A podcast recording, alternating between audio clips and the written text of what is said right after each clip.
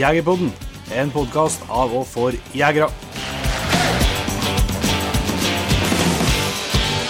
Ja, hjertelig velkommen til et eh, nytt hør, gjenhør, eller nei, gjenhør det er jo helt nytt hør, Ja, det er nytt hør, ja. med Jegerpodden. Men ikke første gangen det spilles inn en liten eh, epistel på et hotellrom på Lillestrøm, gitt. Det er absolutt ikke det. Niks. Det har vi gjort før, og ja, det, det er litt spenning vi ligger nå. Ja, det er det. Det holder jo på for alvor å nærme seg et av eh, årets eh, ja, bedriftsmessige høydepunkt, i hvert fall. da. Ja. Det må Det- du si. Vi har, eh, I år har vi møtt opp tidlig. Vi ligger jo var på plass her på onsdags formiddag. Ja, ja. Det er jo helt Det er klok av skade, det heter det. Ja. Men uh, Vi skal snakke litt mer om det kanskje, da. Men uh, dagens episode det er en uh, veldig fyldig prat, vil jeg si, med en kar som heter Bertil Nyheim. ja. Jeg kjenner til vi holder på å lukte på tretimersgrensa i episoden her, sånn at da For dem som vil ha lengre episoder, så får du i hvert fall en angen her, da. ja. Men eh, det er ikke noe eh, forkleinelse til episoden, for det er likevel ganske høyt tempo og veldig mye å ta med seg og plukke opp for den som er interessert både i jakt og kanskje spesielt i jakthunder. da. ja. Det er Men Nei, det er ikke noe Det er ikke noe Det virker ikke som at det er en prat som drar ut, nei, for det det er mye informasjon å hente inn. Yes, og Bertil er jo eh, hundtrener, og, og du har det med mye forskjellige jakthunder, men eh, spesielt kjent da kanskje for eh, sitt gode lag med, med fuglehunder. Ja. Så det Og han er jo en ettertrakta foredragsholder. ja. Sånn at uh, her får du foredraget rett i ørene. da. Yes. I hvert fall deler av det. Sånn at uh, vi håper du har lyst til å høre hele den. Det er i hvert fall anbefalt på det grøveste. Men du nevnte jo Camp Villmark her, Jon Inge. Vi må jo eh, oppfordre dem som hører på, og som befinner seg i en slik nærhet til, til Lillestrøm, at de må ta turen. da. Ja. Og skulle du ta turen, så må du komme innom stand C19. Der finner du oss Ja. med et lite utvalg fra nettbutikken. Og den, ja, det, blir en fjerde fin stand, vil jeg. Ja, jeg syns liksom holder på å Jeg vet ikke hva jeg skal si, men det, det tar seg opp år etter år. Ja, det er stigning i programmet. Så, men sjøl om eh, Jeg sa det til deg i dag at det var kanskje stand vi hadde i 2019 som var den største overdrivelsen. Ja. Da skulle vi egentlig ikke hatt noe stand, strengt tatt, men, men eh, vi lata som at dette var big business den gangen òg. Så det er bra. Eh, og så skal vi jo ha litt greier på scenen, eh, på Blazer-scenen. På lørdag så skal vi ha en prat med Thomas Haugland.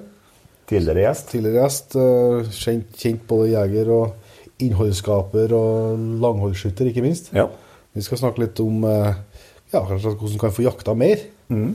og hvordan du kan unngå at eh, du sjøl kommer i veien for dine egne drømmer. ja. Så det tror jeg kan bli en eh, interessant eh, prat. Også på søndagen Blaserscenen, så skal vi ha en runde med litt forskjellige utstillere og snakke litt om årets eh, utstyrsnyheter. Da. ja. Da kommer det en rekke leverandører og, opp på scenen og tar en kjapp prat med oss. Eh, Det tror jeg det er noen eh, seks, sju, åtte stykker fort som kommer opp i løpet av en liten time der, så eh, det kan bli interessant. Yes. Det er jo noen nyheter på markedet. Absolutt. Og så er det jo selvsagt da på lørdagskveld da det braker løst, vil jeg si, med Jegerpodden live. Det er verdt å få med seg, tror jeg. Ja, det kan slå begge veiene, men, eh, men i hvert fall aldri lada hardere. Det må vi si. Eh, I år er det toppa. for å si det Ja. sånn. Så får vi se. Men eh, har du vunnet og kikka noe om det? Hva har du gjort deg noen tanker om det? det? Vi er jo litt opptatt de her dagene, så vi rekker jo ikke å gå så voldsomt mye rundt på inn i messehallene. og Det er jo store haller med et par utstillere, så alt får vi ikke med oss. Men det er noe du har bestemt at du skal veie og prøve å få sett på? På utstyrssida, tenkte jeg. Ja, det er det faktisk. Eh, Jeg har jo røkket på og bestilt en sånn ehm, scope. Ja.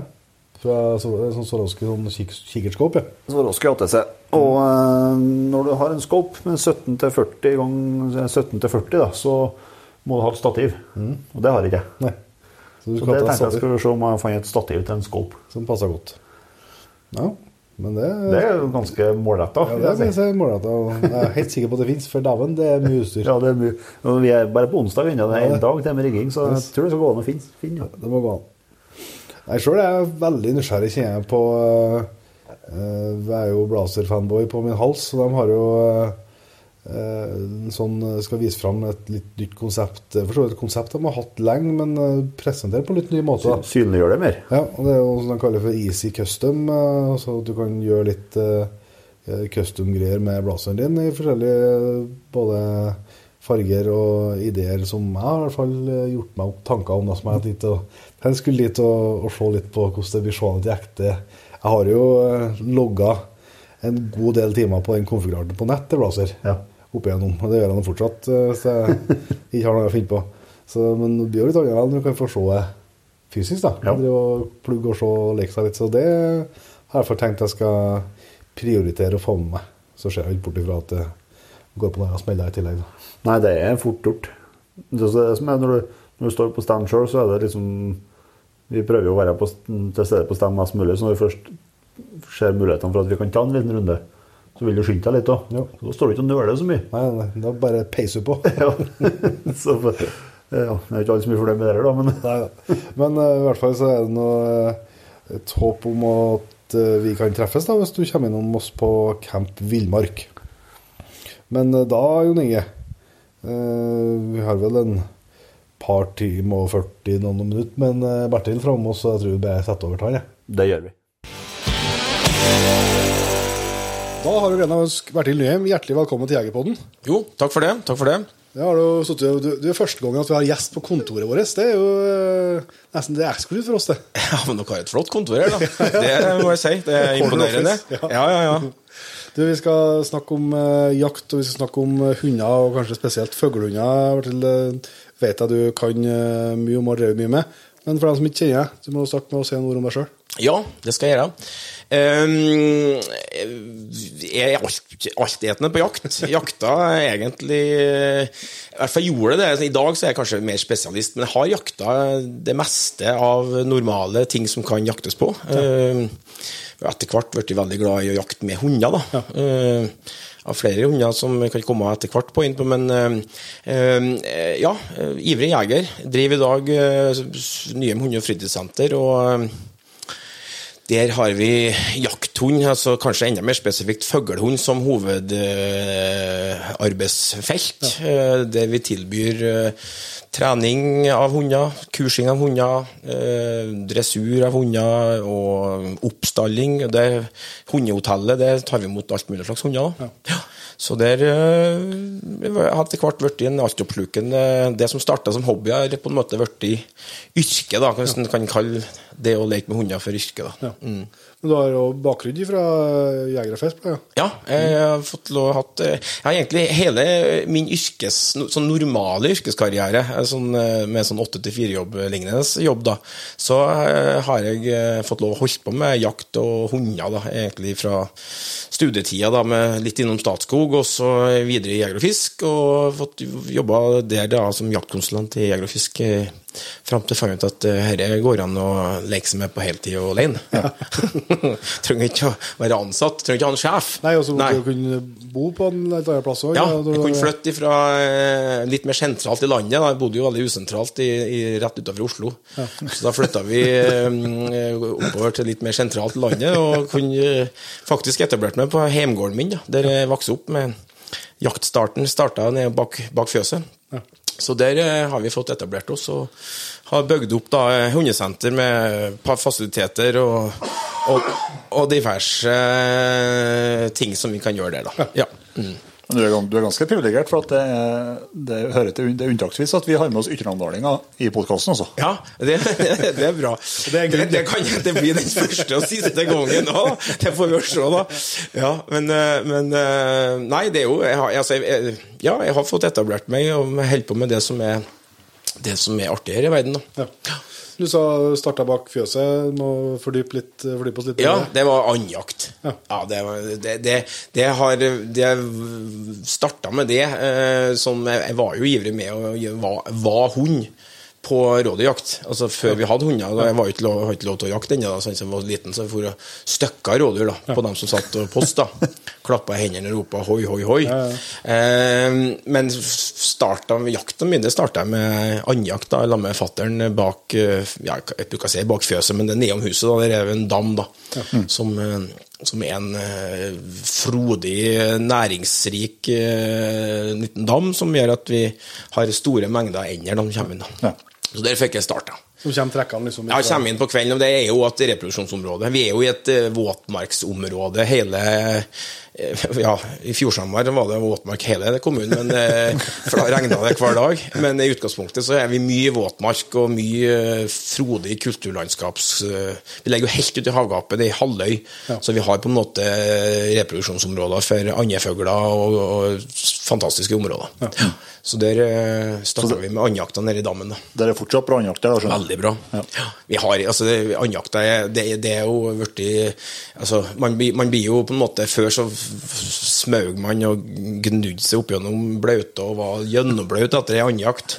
Eh, nå har vi på en måte tatt, gjort det sånn at vi på en måte heller får anda til å komme vi, vi har lært oss, vi har lært anda hvor du skal komme hen. da. Vi har så på en måte til, tilrettelagt litt, så vi, vi driver litt mer med andjakta i dag. Før var det liksom altoppslukende for å smøge og sykle mellom dammene og jakta. Men starta i dammen, og det, der holder vi på ennå. Ja. Så Så det der, er skutt mange ender i den. Ja, ja. det, er- men det første viltet var and? og- det var Jan. Ja. Første viltet var ei, ei, krikkan.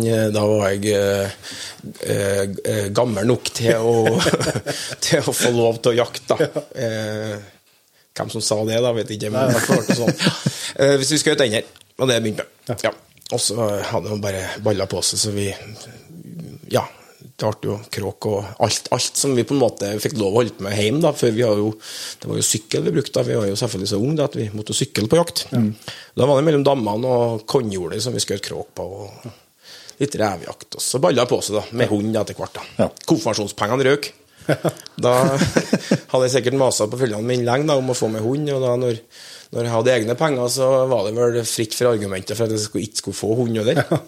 Så da eh, kom Engesæter Tyra inn, da, den første. Ja, Hun var med på alt. Men hvorfor, hvorfor ble det fuglehund først? Du hadde vært med på noe fuglehundjakt? Nei jeg, hadde, jeg, var, nei, jeg var med og jakta. Jeg var jo med som opplæringsjeger skulle si, og fikk lov å være med og gå på rypejakt med stående fuglehund. Men, men, eh, og, det var liksom Vi hadde jo jo, hadde jo fått noen dachser, og det, men det liksom, vi trong jo ikke Dachs hadde jo naboen, så vi jakta jo rådyr med dachs. Men, eh, men eh, det ble fuglehund. Jeg vet ikke helt hvorfor det ble det, men mm. hundeinteressen tror jeg var der veldig tidlig da. Det var ja, vi for gikk tur med andre, hunder som ikke kunne jaktes, men vi trodde jo vi det var pil og bue og nabohund som for stakk av, så det var litt i det. Men eh, fuglehund, eh, og det har jo blitt eh, relativt altoppslukende, det, da. Jeg har jo mer, mange forskjellige raser, men det er liksom, har hatt forskjellige, men det er jo fuglehunder som er det vi holder på mest med og bruker mest tid på. Ja. Da har du hatt engelsetter siden du ble konfirmert, da. Ja. Mm, så det er over faktisk Det er over 25 år siden. Ja. Så, og, men, eh, og jeg har hatt hengesetter sammenhengende hele den tida, faktisk. Mm. Men jeg har balla på seg med noen sånne eh, pointere etter hvert, da, og så må jeg ha en rådyrhund eller to. Eh, som sagt, vi starta jo med, med dachser eh, på rådyrjakta. Og det var jo egentlig ifra at jeg var hund, og, og kompisene var hunder til dem som var gamle nok til å skjøte, så, så var jo det her eh, påbudet om ettersøkshund. Ja, som kom i kom til inn, 94. eh, Sant? Det var jo da første dagsen kom. Ja. Og Den første dagsen som var på jaktlaget, det, han, han var, var en langhåra dvergdachs med navn Anton. og, og han var faktisk altså Jeg har aldri verken sett eller hørt dvergdachser på, på rådyrjakt eh, etter det, men han var faktisk eh, eh, vi, har, vi har mye rådyr, så man trenger ikke ha noe sånn hvitt eh, søk, og han trenger ikke å henge på noe langt. Så han, han, han gjorde en jobb. Han tok ut dyrene og støtte etter dem, og vi skjøt dem. Ja. Og det fungerte kjempegodt, da. Men eh, jeg har jo etter hvert skjønt hva en drivende hund er. da, sant? sånn Dachsa har jeg jo holdt på mye med i ettertid også. Men eh, det var jo artig å starte med. Ja. Men nå, men nå var det drever som var Nå er drever. Ja. Ja.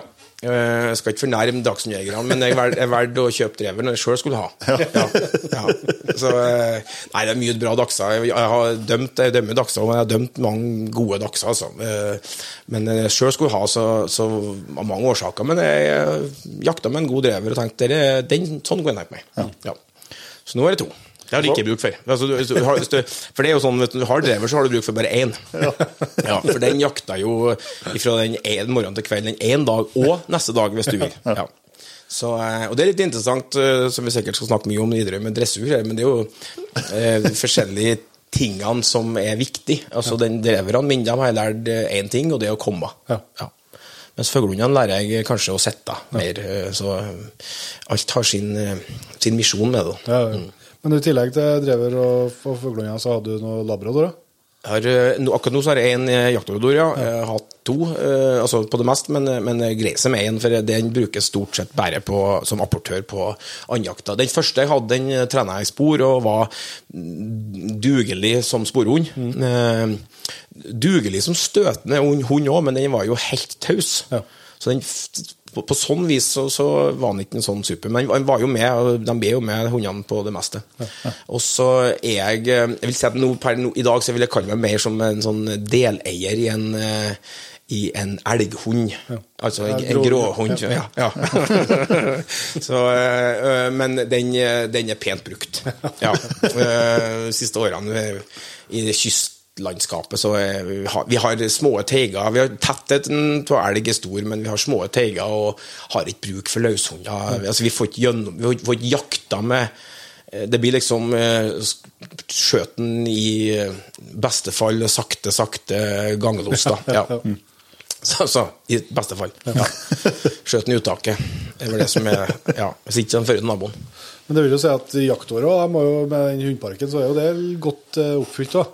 Ja, altså ja, vi fyller, da, fyller året. Altså, det, hele det hundsenteret kan du si, og det blir jo en livsstil og en leveform, det. da, og det, det er klart Du fyller det, Du blir jo litt sånn at du alt, Det er alltid en sesong for noe. Eh, og det starta jo med, med at vi Fuglehundene skal jo prestere, og det skal jo dreverne òg gjøre. det, altså, eller Alle, alle hundene skal jo prestere, men det er klart fuglehundene skal jo ha en voldsom kondisjon eh, fram mot eh, jakta og jaktprøvene, som på en måte er det store målet. For der ønsker vi jo å være med og hevde oss eh, på jaktprøver. Det er jo liksom Målet er å ha gode jakthunder, men det er klart det er fryktelig artig å konkurrere på jaktprøver. Altså det, det blir jo en sånn der det er, det er fryktelig artig, og det gir jo en, en skikkelig god jaktprøvehund. Altså, Han, han er ikke 100% men han er veldig lydig. Og det er en veldig lydig jakthund. Sant? er jo en fantastisk effektiv jakthund. En, en, god, en god jakthund som er lydig. Sant? Altså, og, og for å være en god jaktprøvehund, så må du være helt lydig. Så Du skaper jo en, en helt annen ro på jakta. og det er klart Hvis du har romslige kvoter, så kan du kanskje skjøte mer ryp for en lydig fuglehund enn en ramp. Det er min påstand, i hvert fall. Så, eh, mens sesongen starta jo tidlig med kondisjonering av dem. eh, Bruka hele sommeren på sykling og trening av fuglehunder. Eh, dreverne får lufta seg på det, men de eh, er vanskelig å sykle med, for å si det sånn. Jeg sykla jo litt med dem òg, men de, det går litt fort saktere. De, også har, de har en tendens som skal nesa ned i bakkene. Ja, så altså skal de ut av veien. Ja. Ja, det følger de, de kan jo lære til å springe rett fram på den grusveien eh, og synes det er like artig hver gang. Mens dreverne skal jo ut. Og så, eh, hvis det er et rådyr som har sprunget i veien så Det blir litt annet, ja. måte å trene på. Det blir det. Men eh, jaktåret er jo for så vidt Eller hundjakt og hundeåret, vil jeg kalle det. da. Det er jo fullpakka. Ja. Alt, alt i en sesong. For det har, vi, har, vi har vært kjent i to og en halv time nå, cirka. Du, men du slår meg ikke som en type som sitter så mye i ro. Nei. Nei. Nei. og det er kanskje noen som mener at jeg burde ha sittet mer i ro, men, men, eh, men det er liksom eh, Ja, altså det er jo alltid noe som kan gjøres eller holdes på med. Ja. eh, ja. Men starter du, starter du med bukkjakt og ja. full pakke? eller- Begynner, vi virkelig var ivrige, så begynte vi sånn kombinert buk, For bukkjakta og gåsejakta starta samtidig, når vi var liksom unge og på topp. da Og da øh, var vi jo først på gåsejakt, og så på tur hjem så jakta vi rådyrbukk. Eh, og det er fascinerende, begge de jaktformene, men de er liksom ikke sånn De er ikke så like enkel å gjennomføre, i hvert fall ikke sånn mange døgn på rad hvis du har et annet liv òg. Sånn at eh, nå, og nå kan, Vi kan jo jakte eh, grågås da på innmarka fra 26. juli. Um, på Dørkemark kun, da. Og det er klart um, Ja, det hender at vi prøver oss på det, men det blir liksom Ja, det er så mye annet som skjer da. Eh, og så skal vi si jaktåret starta Vi jakta rev ifra det starta, men det er liksom sånn i forbindelse med siloslått og dyrka markjakt. også. Og så er vi på bukkjakt. De siste årene, eller egentlig siden vi starta i Hundesenteret for ti år siden, så har jo bukkjakta egentlig blitt gjennomført at jeg er med litt sånn mer som en guide og tilrettelegger, for vi selger bukkjakta. Ja, eller bukkjakt. Vi selger ikke all bukkjakt, men vi selger ganske mye bukkjakt til, til jegere som kommer. da. Ja. og da er vi jo med på jakta. og det, det, det jeg, jeg, Før var jeg nok veldig glad i at det var jeg som var skutt i det, men i dag så syns jeg det er like artig å være med på det, for å si det sånn. da. Jeg guider jo på fuglejakt òg. Det, det er jo det er liksom nesten like artig å se at andre treffer fuglen som å gjøre det sjøl. Ja. Så, eh, men jeg, jeg må ha noen runder sjøl, selvfølgelig. Og få, få ut litt, eh, litt eh, kjøtt, Kjøttjegeren må fram, han òg. Men jeg syns det er artig, altså. Ja. Så vi begynner med starta kan du si, sånn ordentlig, det er bukkjakta. Og så går det over i samtidig parallelt med det, sant, så er det jo fuglehundtrening og få dem i form til jaktprøvene som starta 21.8. Uh, og samtidig der så er jo andjakta starter jo 21. august òg. Mm. Uh, men det er jo sånn, det er jo sånn nærjakt, som man kan kalle det, med, med, at vi går ned i dammen eller uh, kjører til en annen dam, eller på en måte smyg på ender som ligger Det er sånn støkkjakt på stokkene. Ungfuglene ligger jo og trykker i sivet. Ja. Kan jo gå og ha det kjempeartig. Mm. Og så er det jo kjempefint, det her det, er trekkjakt, det er jo det vi driver mest med. Ja. Da kommer de jo stokkene. Sant? Hvis du har kunder som er på, er på andjakt hos oss som ikke har vært med på det før, så sier jeg at vi har god tid ennå, vi trenger ikke gå ned for om ti minutter. Så er jo sånn at trekkjakta starta jo på samme tidspunkt den 21. august nesten hvert eneste år. Det er bare noen minutter Er det overskya, så kommer de noen minutter tidligere ja. enn om at det er, er klarvær. Så, så de, de, kommer jo etter lyset. Det er jo det, det, er jo det som på en måte stemmer, bestemmer når de skal komme. Ja. Så det er, det er, ja, det er veldig fin jakt. da. Det er liksom lavterskeljakt. og det er jo ja, og actionfylt. Fantastisk. Og, og du, skal, du skal veldig lite tilrettelegging til på andjakt, for du kan ha helt, helt fantastisk andjakt. Ja. Så det er jo sånn en særdeles undervurdert eh, jaktform i mine øyne. Mm. Det er sant, Hele landet jo, mm. har jo våtmarksområder. Ja. Hele kysten, innlandet. Du kan jakte ender over hele landet. Ja. Eh, og fryktelig enkelt å få tak i, vil jeg tro, da, sånn jevnt over. Så lenge det ikke er helt ingen tett storby, så, så vil det jo være en, gård, en gårdbruker eller en grunneier som gir deg tillatelse til å jakte and. Ja. Stort sett. Du sa litt tilrettelegging, hva legger du det? Nei, fòring. fôring. Ja. Altså uh, bygg. Ja en posse med bygg. Korn. Det er ikke verre enn det? Nei. Og liksom bare legge det ut uh, altså, eller, eller, har du en nabo som har kornåker med litt legd attmed et vann, så kan du jo Legd, det er trøndersk, sant? Ja. Korn som har lagt seg mot bakken, kan du si det sånn? Ja. Uh, og der, det, det, kan jo ha kjempegod jakt. Ja. ja. Så eh, Ja. Eh, men jeg tenker det med fôr, det skal, det skal, ikke mye. Det, skal liksom, det er bare at du legger ut så endene er vant til å komme. Da vi begynte å jakte nedi dammen der, så, så jakta vi liksom, Da satt, tenkte vi at nå har vi jakta på den oddjen i, i, i, går, eller før dagen, så nå må vi sitte på andre sida. Og så kom de så landa de over hele vannet, og vannet var jo litt for stort. Så det kom jo masse ender inn som ikke vi fikk til å skjøte på. Og så på en måte etter hvert som du skjønte at hvis du bare prøvde å få alle endene til å komme mot der du har lagt ut konja, ja. så ble det jo enda mer action. Mm. Så, eh, så, da har vi gjort det. Og der har vi jo etter hvert Jeg har jo fått mye kompiser og venner rundt omkring som driver på med det der. Og svenske, danskene og andre land driver jo mye mer ustakt med det der. Ja. Og klart, eh, jakter vi ikke for ofte og holder jevn fòring, så er det jo party for endene ni av ti dager i uka. Som da er det helt fint å bare bugner innpå med mat. Og så kan vi ha en dag da, der vi jakter på mm. ja. Og da kan det komme skikkelig mengder med ender. Og det er artig ut. Herregud, det er, god, det er action ut. Det er klart det. Ja. Så, ja. Det er artig. Og da er etter hvert da, sånn, så meldte behovet seg for en hundetype til, og da kom jaktlabradoren inn i bildet. Da. Ja, du vil jo tro jeg rapporterer fuglehundene men Ja, de er det. Og første fuglehundene mine gjorde det. Sant? For det, sant? det første fuglehundene mine som jeg hadde, var jo uh, skikkelig kjøttjegerhunder. De var jo med på alt. Og, og vi skjøt harry for dem. Vi var, på en måte var ikke så nøye på det. Eh, og etter hvert som du skjønte at du må sette kravene litt annerledes hvis du skal være med, være med på jaktprøver, og få en enda mer effektiv fuglehund, så, så jo, eh, mange fuglehunder, hvis du er ivrig og, drar, drar liksom dressurnivået et hakk videre og motiverer dem på apporten, så kan du få en skikkelig god vannapportør av en engelsetter, som jeg hadde de første han hadde. De henta jo endene, dem, og gammeltyra var med på alt. Hun svømte og styra og støkka fugler, var liksom skikkelig eh, effektivt med eh, På jakta. på jakta. Ja. Men, men eh, hun var jo Hun ble litt for mye av det, og kanskje da når vi eh, for på jaktprøve. da, da. Det måtte ikke være noe and ute på en dam da, så på eh, fjellet, for å si det sånn. Så, så um, blir litt sånn spesialisthund, da, den der jaktlabradoren. da, og den det er jo fantastisk. Altså, De, er jo, de sprenger jo på vannet. Si. De er en litt av tynn ishind som eh, det kan være ute på høsten. Sant? Så De sprenger jo og bryter jo som en isbryter borte. gjennom. kompis da, men han var med, Første gangen han var med, var så god. Ga- Første vi hadde, og Stella hun var fantastisk. da, hun, og så Mye der damene jakter er sånn vanvittig tett. sånn der eh, vannlilje. Sånn, det blir som et sånn gulv. sant? Ja, lokk oppå, Ja, altså. ja. Og det, ja, som et lokk. Og der skjøt vi det ene vet du, som for og ble, lå ute. Vi så dem ikke, men de, du, så, du så bare den datt ned. Og hun for ute vet du, og nesten bare kava seg framover og virkelig sto på. vet du, Så han Kompisen jeg spurte faen er du ikke redd for at hun drukna. Så sier jeg nei, faen, du sett en oter drukna? For hun var på det nivået. liksom, Hun svømte og dukka og styra. Helt sånn eh, fantastisk sånn arbeidsmoral. og det eh, Du ser jo at dette er gene- genetisk framalska. Ja, ja. Ja.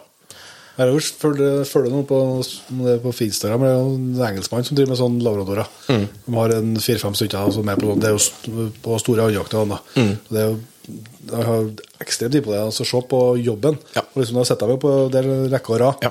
og så sier navnet på en som skal få lov til å hente denne gangen. Og da resten de sitter faen i ro. Ja. Og så helt tause, vet du. Ja. De, sånn, det, så, øh, når vi er unghunder, så har vi kanskje en tauende i dem, sånn at de ikke går i skuddet. da. Ja. Eh, Men ellers så sitter de jo bare der og venter på en jobb. Ja. Og liksom du ser plutselig så søkker de opp sånn og kikker at der, da, du, du kan liksom, Når det begynner å bli mørkt nok, så kan du se det, at du kan se det på hundene, for de hører det. Ja. At nå kommer hun, og så bare kan du, nå er hun der. Ja. Og da, For de får det med seg.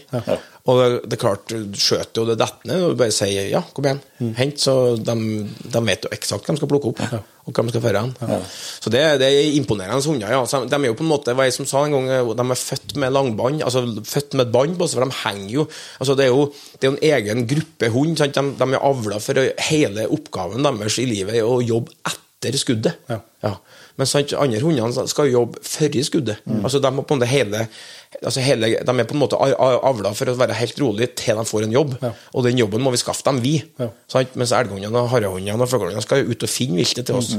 Det blir jo helt annet. Motsatt, ja. så, det, så, det, så det merker vi jo når vi er på jobber med dem òg, at det er jo helt annen tilnærming dressurmessig på en, en eh, labrador. eller- Nå har jeg ikke hatt veldig mange, men alle dem jeg har vært borti, da, har vært fryktelig mjuk og lettdressert. Eller sånn nesten ikke trenger dressur. Apport er bare forming. Bare det, det er ikke en dressurmoment. Det er liksom bare å passe på at de skal komme inn til deg. Liksom, det er bare en vanlig dressurtrening, så får du en apportør til en, labrador. labrador. Bare, Ja. bare skjønne hva du vil. Ja. ja.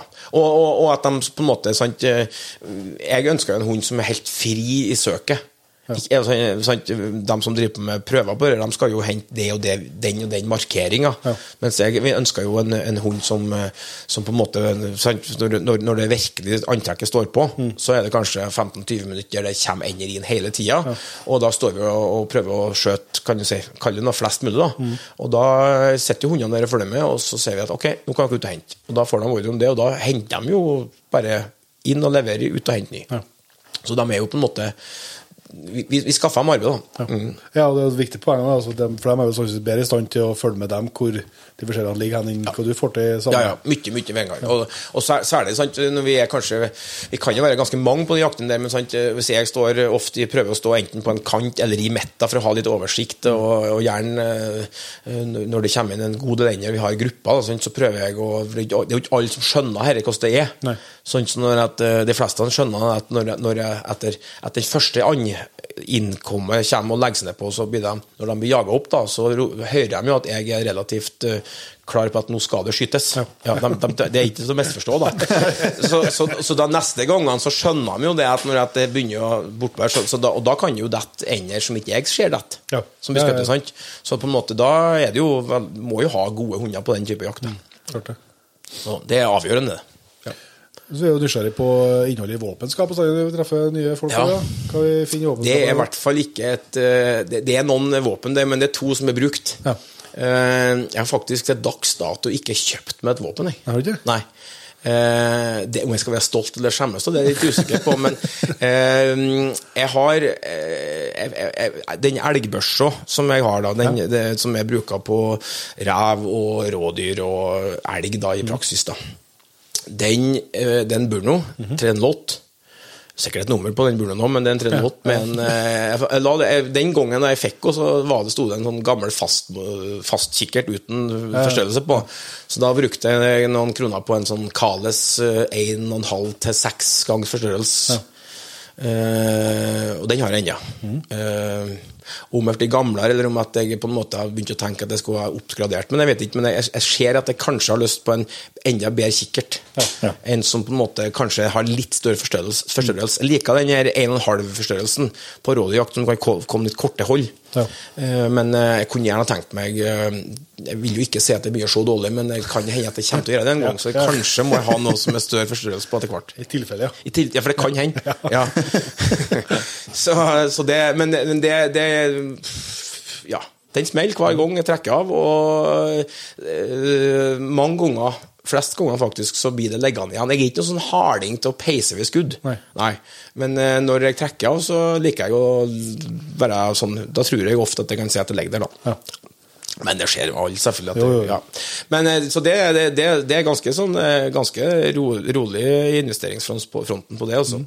Og den hagla har, den, eh, den har jeg litt av historie, for den, det er en sideligger. Og sideligger, er Den første hagla jeg begynte å jakte med, det var fatter'n sin. Det var en sideligger. Eh, aner ikke hvilket merke det var, det- den. Men uh, eh, og sideligger syns jeg var fint og godt å holde i, og liksom sånn godt eh, Det lå godt, da, syns jeg, i hendene. Eh, men så, eh, før vi, en kompisgjeng vi var på Sørøya og jakta eh, for masse masse år siden. Og Der var det svigerfaren til han vi var besøkt. Han eh, hadde akkurat vandret. Uh, og så forteller jeg så, Til den turen da, så hadde den gammelhagla som jeg eh, lånte av fattern, den eh, hadde klikka et par ganger. Så jeg hadde lånt ei hagle til kompisen som var med. Satt vi om kvelden og pussa der, der børsene og, og prata. Og så forteller jeg at eh, For jeg hadde jo se- treff, en rype eller to på den dagen. Så, så sier jeg at faen, hun dreper jo børsa og dyra, og det var bra, fikk låne, kanskje skal ta, kan få låne mer, sier jeg. Og så sier han kompisen at faen, har du ikke børs, du da? Nei, hun har ødelagt den børsa mi. Så da eh, så sa han ja, men du, da skal du få ei til meg. Og da var han i skapet, for da hadde som sagt da svigerfaren vandret. Og han hadde kjøpt ei anna børs for masse år siden som han hadde trodd han hadde skutt ti kråker gjennom kjøkkenvinduet med. og det var en sideligger.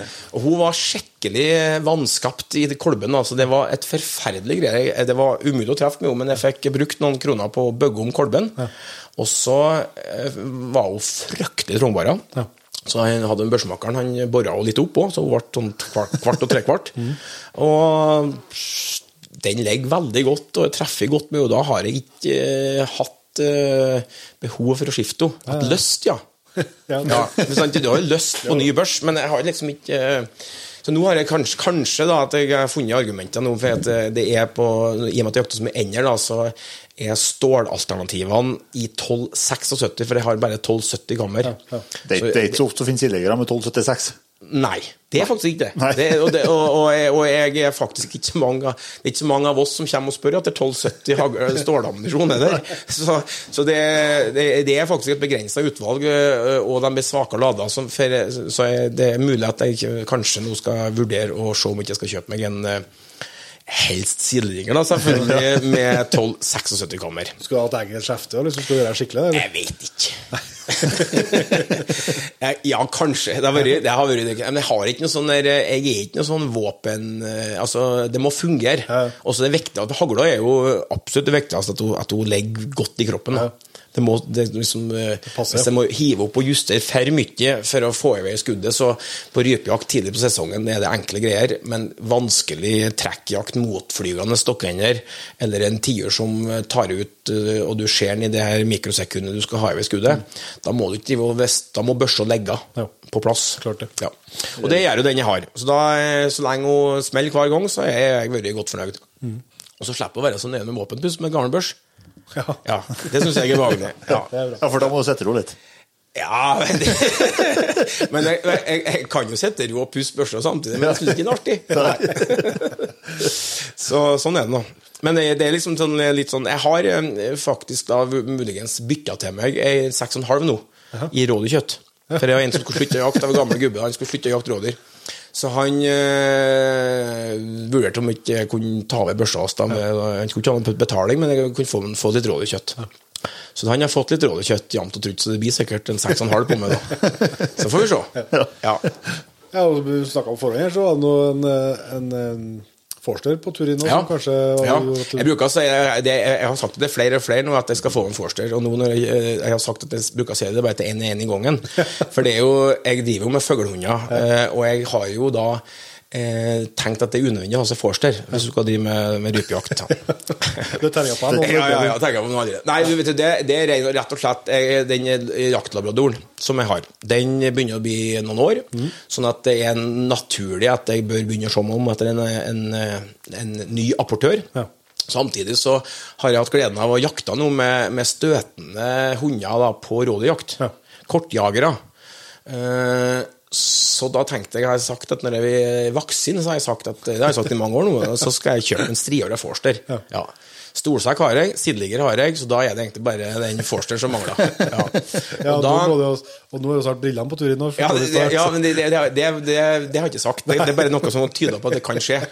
Men jeg tror at eh, det kan være jeg har jo sett at denne jakta med støtende hund på rådyr er fantastisk effektiv i rette type biotop. da. Ja.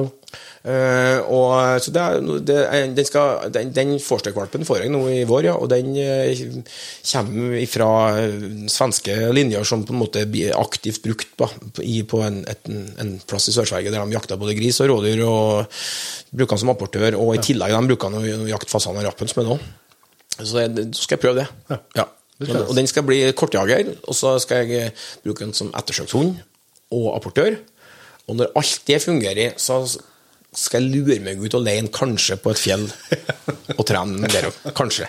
Du skal få, du skal få utdype det Forster, eh, det her eh, Forster-opplegget litt eh, senere. Jeg hører at det er noe Ja, jeg, jeg, jeg frykter jo for at det kan bli at jeg har lyst til å prøve noe. For, altså, vi kan, jeg skal ikke sånn lage noen rasediskusjon, men, men, men det, er, fantastisk mange gode forstere blitt etter hvert når ja. jaktprøver. Altså. Det, det, det er fascinerende bra trøkk i mange av dem. Ja. Det, for det var det ikke for 25 år siden på alle, altså. Nei. Men uh, nå er det veldig mange gode. Ja. Så, Ja, så, så er det jo Jeg skjønte jo, jeg skjønte jo med sparket på Dagsen her i stad, og jeg skjønner jo at eh, du som oss syns det er litt artig å holde hodet på andre nå. Ja, men det er Ja. Det er en del av- det er Det en del av gamet. Ja. Ja, ja. Det, man, man noterer jo tomskuddene til kompisene, gjør man ikke? Ja, ja, sånn. Bomskuddene.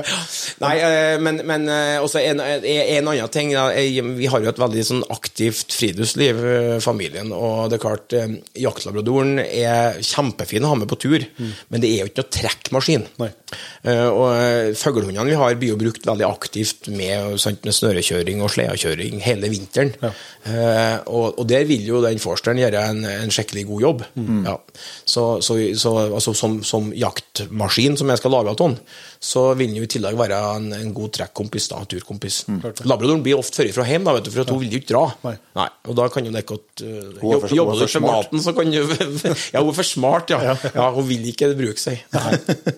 Men hvis du skal begynne å jakte rådyr med, med, kort, altså med kortdrivende hund og greier, da Du får jo børser som har både hagl og riffel. Ja, jeg har tenkt som så, men jeg, bare, jeg tenker at først må kanskje Forsteren komme. men det er jo naturlig oppfølging at man kanskje utvider våpenskapet, ja. Ja. Så eh, en drilling har vært drømmen, det. Ja, eh, vi får se. Vi får se. Ja. Men eh, du sa jo der når vi begynte det der hunde, hundesenteret, liksom, og at det har nå utvikla seg, har vært i mange år, Mm. eh, fulltidsjobb. Men eh, hvordan, eh, hvordan liksom kom du i gang? Altså, det er jo ikke bare å knipse, så har du fulltidsjobb med jakthunder. Nei, men nei, absolutt ikke. Og, og du kan si at vi kunne gjort det enda enklere. For si, når jeg, Jeg har jo hatt øh, Jeg har jo vært over snittet interessert i de hundene og holdt på mer enn øh, naturlig er hvis du har bare én hund hele tida. Så jeg har jo hatt i begynnelsen sant, så hadde litt hunder i dressur og hjalp dem litt med apport, og så balla på seg. Men da hadde jo enten var det jo i studietida, eller så var det når jeg hadde de normale jobbene, så hadde jeg jo en hund eller to som jeg hjalp en kompis, eller kanskje noen spor kan hjelpe med å trene den fram mot jakta og, og greier. Og så blir det jo sånn at du eh, jo mer du holder på med noe, jo så, så bør du i hvert fall kanskje bli flinkere og flinkere. Eh, og og eh, etter hvert så eh, altså Flere og flere altså det, I fuglehund eh, Og det å ha fuglehund har bestandig vært liksom naturlig. At man har gått på kurs og, og, og eh, Ja, det å sette bort hundene sine i trening, mm. eller spørre folk om hjelp til problemer, det har vært veldig vanlig. Ja. så som man sier, og fuglehund er jo ganske sånn eh, Det er ganske mange med fuglehund. Ja. ja. sånn at det har vært at Markedet er jo, for å kalle det det, da, det er jo eh, kjempestort. Ja. Ja, ja, Samtidig som det ikke er så stort så at ting kan spre seg. Ja, sant. Det, du, du, på en måte, hvis du nå er heldig og, og kanskje får et, et, et navn eller rykte, eller sånt, så, så, på en måte kan det jo balle på seg. Ja. ja for det er, miljøet er jo ikke større enn at eh, Altså, ja, vi, vi Det ryktet, ryktet går jo. Ja, ja. Ja, sånn at eh, eh, Når jeg på en måte bestemte meg for det her, så, så på en måte Jeg kunne gjort det enklere å starte nærmere der mesteparten av befolkninga i Norge bor. Ja. Ja. For det er ikke noe Sundet. Nei, det er faktisk ikke ute ved Ytternamdalen, det, da. er Men det er ganske sentralt Ytternamdalen, da. Men eh, det er ikke alle som har skjønt, så derfor så er jo kundene våre eh, vi har, De som kommer på Hundehotellet, det er jo, kaller jeg, lokale eller regionale kunder. Eh, Men de som, de som kommer og skal ha på kursene og, og, og har hundene i trening hos oss, de eh, er jo hele landet. Ja. Ja. Ja. Eh, Så det, de har eh, mange hunder som kommer med, med fly til, til Rørvik. Da. Ja. Men du, men du fer litt rundt om òg, holder kurs og Ja hold, jeg holder kurs og, og kanskje enda mer foredrag. da. Ja. Eh, Det er litt artig, for da på en måte treffer du jo Det, kan- det kan jo bli gode diskusjoner. og det er jo sant, Har du, har du hatt hund, eller har hørt om at noen har hund, så har du kanskje en mening om hund. Ja. Eh, og det er jo fryktelig artig, for det, det er liksom ikke noen veier som er den eneste veien. da. Det er veldig mange veier som fører fram til eh, et eller annet eh, sluttresultat. Mm. og så tenker jeg som så at når jeg starta på med det her, så, så var det jo enda fasttelefon bare. Eh, og jeg ringte jo, eh, ringte jo mange og spurte, og noen var sikkert lei etter hvert òg, men det er liksom, det er, man trenger ikke å finne opp kruttet på nytt. Sant? Og, kursvirksomhet der er Eh, ikke, altså, det er genialt for en førstegangs hundeeier eller en som er kommet litt skjevt ut, å begynne å gå på kurs. Og så ser jo jeg at etter hvert som vi på en måte har rykta godt om at vi har kurs jevnlig, så får jo vi mange erfarne folk òg, som på en måte blir litt nysgjerrig på det. Hva, hva det er det egentlig dere gjør? Og så på en måte kommer de, og de- og de, det ser jo de kursene der vi har erfarne og førstegangseiere, unge hunder, gamle hunder, litt problemhunder på samme kurset blir veldig gode kurs. For da får du diskusjon. Sant? Vi- Hvis du snakker til førstegangseiere, så er det jo begrensa hvor mye kompetanse som er der, eller erfaring som du kan dele. Ja. Men så har du noen som er der som bare tenker at nå har jeg fått ungene, jeg har lyst til å gjøre det, jeg har lyst til å få inspirasjon. Ja. Jeg også tenker sånn, jeg kunne godt tenkt på godt på et hundekurs åt noen. For- For det kunne vært artig å få inspirasjon. Ja.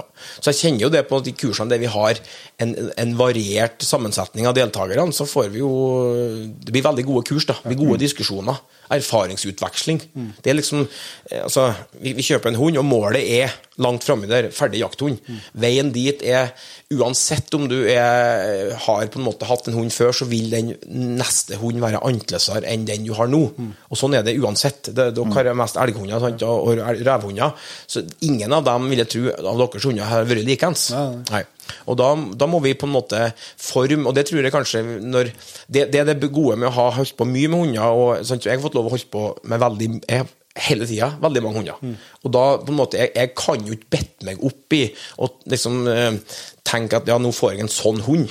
Nei. Nei, jeg, må se, jeg, må, jeg får hund, og så må jeg se hva slags hund fikk jeg nå. Ja. Og som er form jeg tilpasser dressuren og, og, og kommunikasjonen med den hunden som gjør at jeg får, jeg får progresjon med den hunden. Ja. Ja. Og det tror jeg kanskje er at vi, vi better oss litt fast. da. Husk på at de fleste har en hund hvert tiende år. da. Mm. Ja. begge, alle i hop heter Tupsi. Ja. Og da blir det liksom eh, Du har glemt mye på ti år. Ja. tror jeg. Ja, det er ikke noen tvil om. Altså, det, det er jo sånn, Vi har snakka om som et eksempel altså når du begynner med en unghund, og så er du, er du utålmodig. Mm. Og så er det i hvert fall en øvelse som jeg har hatt, uh, hatt nytte av noen ganger. Det er jo å tenke altså for at du har uh, Faen, den hunden er en gammel hund. Mm. Han gjorde bare, det bare plystra i vei, og det var jo et jævla liv hele tida. Ja. Men så begynner du å Faen, hva er det?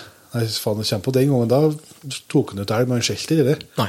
Nei, så så var det kanskje ikke han der så stjerne som du har for deg etterpå når du begynner med en ny en. Mm. Så det er jo, du glemmer mye. Ja, glemmer, det, Manns minne er fryktelig kort på Ja, det er. der. Altså, det, er ikke, det er ikke noe tvil om. Og så, og så er det liksom eh, Selv om du har samme linja, nesten samme kombinasjon i, på neste hund også, så, så du, Ingen hunder er min påstand at det, det er i hvert fall veldig få hunder som er lik den du har hatt forrige gang. Eh, og vi endrer oss. Husk på at vi, uh, tro eller ikke, vi blir gamlere og gamlere. Det betyr at vi blir tregere og tregere. Vi blir, vi ikke så mye på. Og det merker jeg jo av og til. Uh, skal jo sånn eh, passe litt, sant? men du kan jo si at du blir jo, du blir jo Kanskje når du er ung, så er du litt for ivrig og litt for mye på.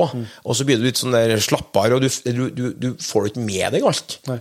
Når du blir gamlere, da. Ja, refleksene blir ikke sånn som de var. Eh, og da kan jo komme skjevt ut med dressur. Ja. Og jeg tror jo det at eh, vi, vi ofte, jeg, tror er sånn, det, jeg liker å si at vi vanskeliggjør dressur med hundene våre. Eh, eh, altså, vi, vi, det, det er veldig, veldig bra det som har skjedd innenfor eh, he, hele det organiserte Jakthund-Norge, for å ta det, da. Men, men, men vi, må, vi må ikke distansere oss helt ifra det som er eh, hundespråket. Altså, sant, det her, eh, jeg er veldig for at vi skal bruke eh, hele spekteret av, av altså, jeg har ikke noe sånn, Folk spør meg om jeg har en hvordan jeg dresserer. Det, Det kan jeg faktisk ikke, ikke svare på. Altså, jeg, jeg bruker det som på en måte hele spekteret fra godbiter til, til ros og ris og klapp. Liksom, det er liksom alt. For du kan, ikke, du kan ikke si på forhånd at nå har jeg fått meg hund, og den skal dresseres sånn. Nei. Det går ikke an. Da har du på en måte Da har du, lagt det, da har du båndlagt deg sjøl i, i muligheten til å forme hunden din. Ja. Så, så tenker jeg som så at hvis du gjør det rett, da, og det vil si at du tar over fra den dagen du får valpen, eh, så er jo dette eh, fryktelig enkelt. Hvis du spiller på hund sine premisser, og spiller på den måten hundene kommuniserer seg imellom. Ja. Så, så, så hvis du altså, jeg, jeg, husker sånn, som tilbake til den fasttelefonsamtalen da, i gangen til moren min. så, så, var det jo sånn at jeg ringte, og da, når, og da det, det tenker jeg som så at det, da og var det jo virkelig behov for Jeg, jeg burde vært på kurs da, for jeg fikk jo beskjed om hva jeg skulle gjøre, og det var jo sant, Jeg fikk ikke hund til å sitte rype og flaue opp, og jeg, ja, da må, du, da må du gjøre det, Maria, da må du vise at du er sjefen, sant, sa han, sånn, sånn, hva, hva, legger, de i det, tenkte jeg, sånn i ettertid, sant, ja, hva du, sant, må du bare markere det og være sjefen. Du kan jo, hvis, du, hvis du ikke hører etter, kan du kanskje ta henne litt i nakken og litt sånn, sånn, sånn markere deg som sjef. da. Og, og ja, fint, tusen takk, sier jeg, og så la jeg på, og så var jeg ute og testa det. Det ble ikke like, vet du. Sant? For det, har jo, det du blir fortalt, det blir jo du lager deg jo et eget bilde av det du blir fortalt. Ja. Sånn at, eh, også, og når jeg da Ja, og det du har fortalt til den personen, har også laget sitt eget bilde av det han fikk. Ikke sant? Ja, ja, sant? Så det blir på en måte du, det, er jo, det, I dag sant? Vi, det, det er jo en helt annen verden. Vi har eh, sosiale medier. Du kan jo på en måte du kan jo ha videokonsultasjon hvis du, hvis du på en måte virkelig tar det langt nok.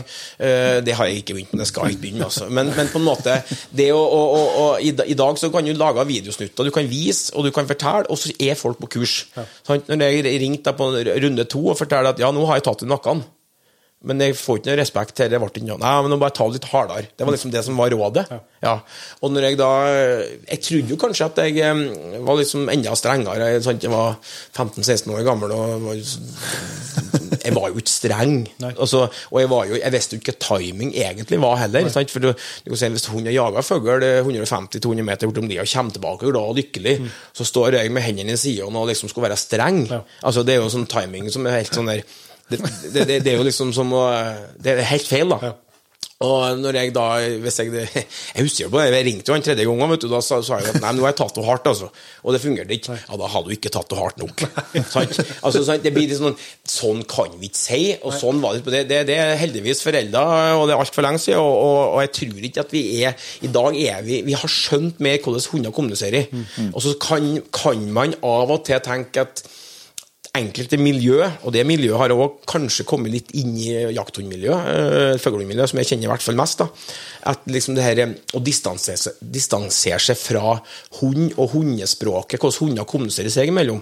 Altså sånn, Hvis at, hvis at eh, fravær av godbit er lik straff, eh, eller, eller det er det du har å tilby hvis en hund ikke utfører den handlinga som den skal gjøre, det vil ikke fungere. Det, det er en ganske kraftig påstand for meg å si, men vis meg i hvert fall den fuglehunden som, som på en måte tenker at oi, hvis jeg sprenger etter den rypa der i full los innover fjellet her, så får jeg ikke godbit. Den fuglehunden finnes ikke. Det tror jeg ikke. Nei. Og så er det vanvittig stor forskjell på individene. Noen har jagelyst av en annen verden. altså De tror det at det er, sprenger fort nok og langt nok, så klarer jeg å fange den rypa.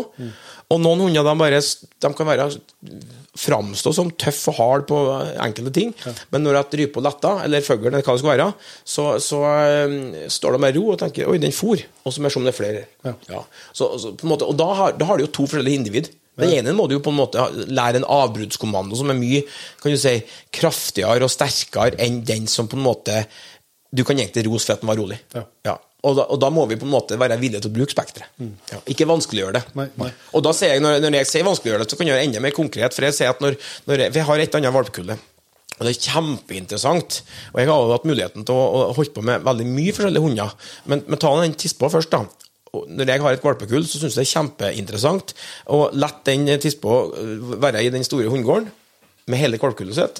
Steng, steng eventuelt døra inn til hundehuset, så at de ikke, så hun ikke får til å forlate valpene. Og så kaster jeg inn en bit tørrfisk, Ja. Eh, for eksempel. Eller en godbit, da. Ja, Ja.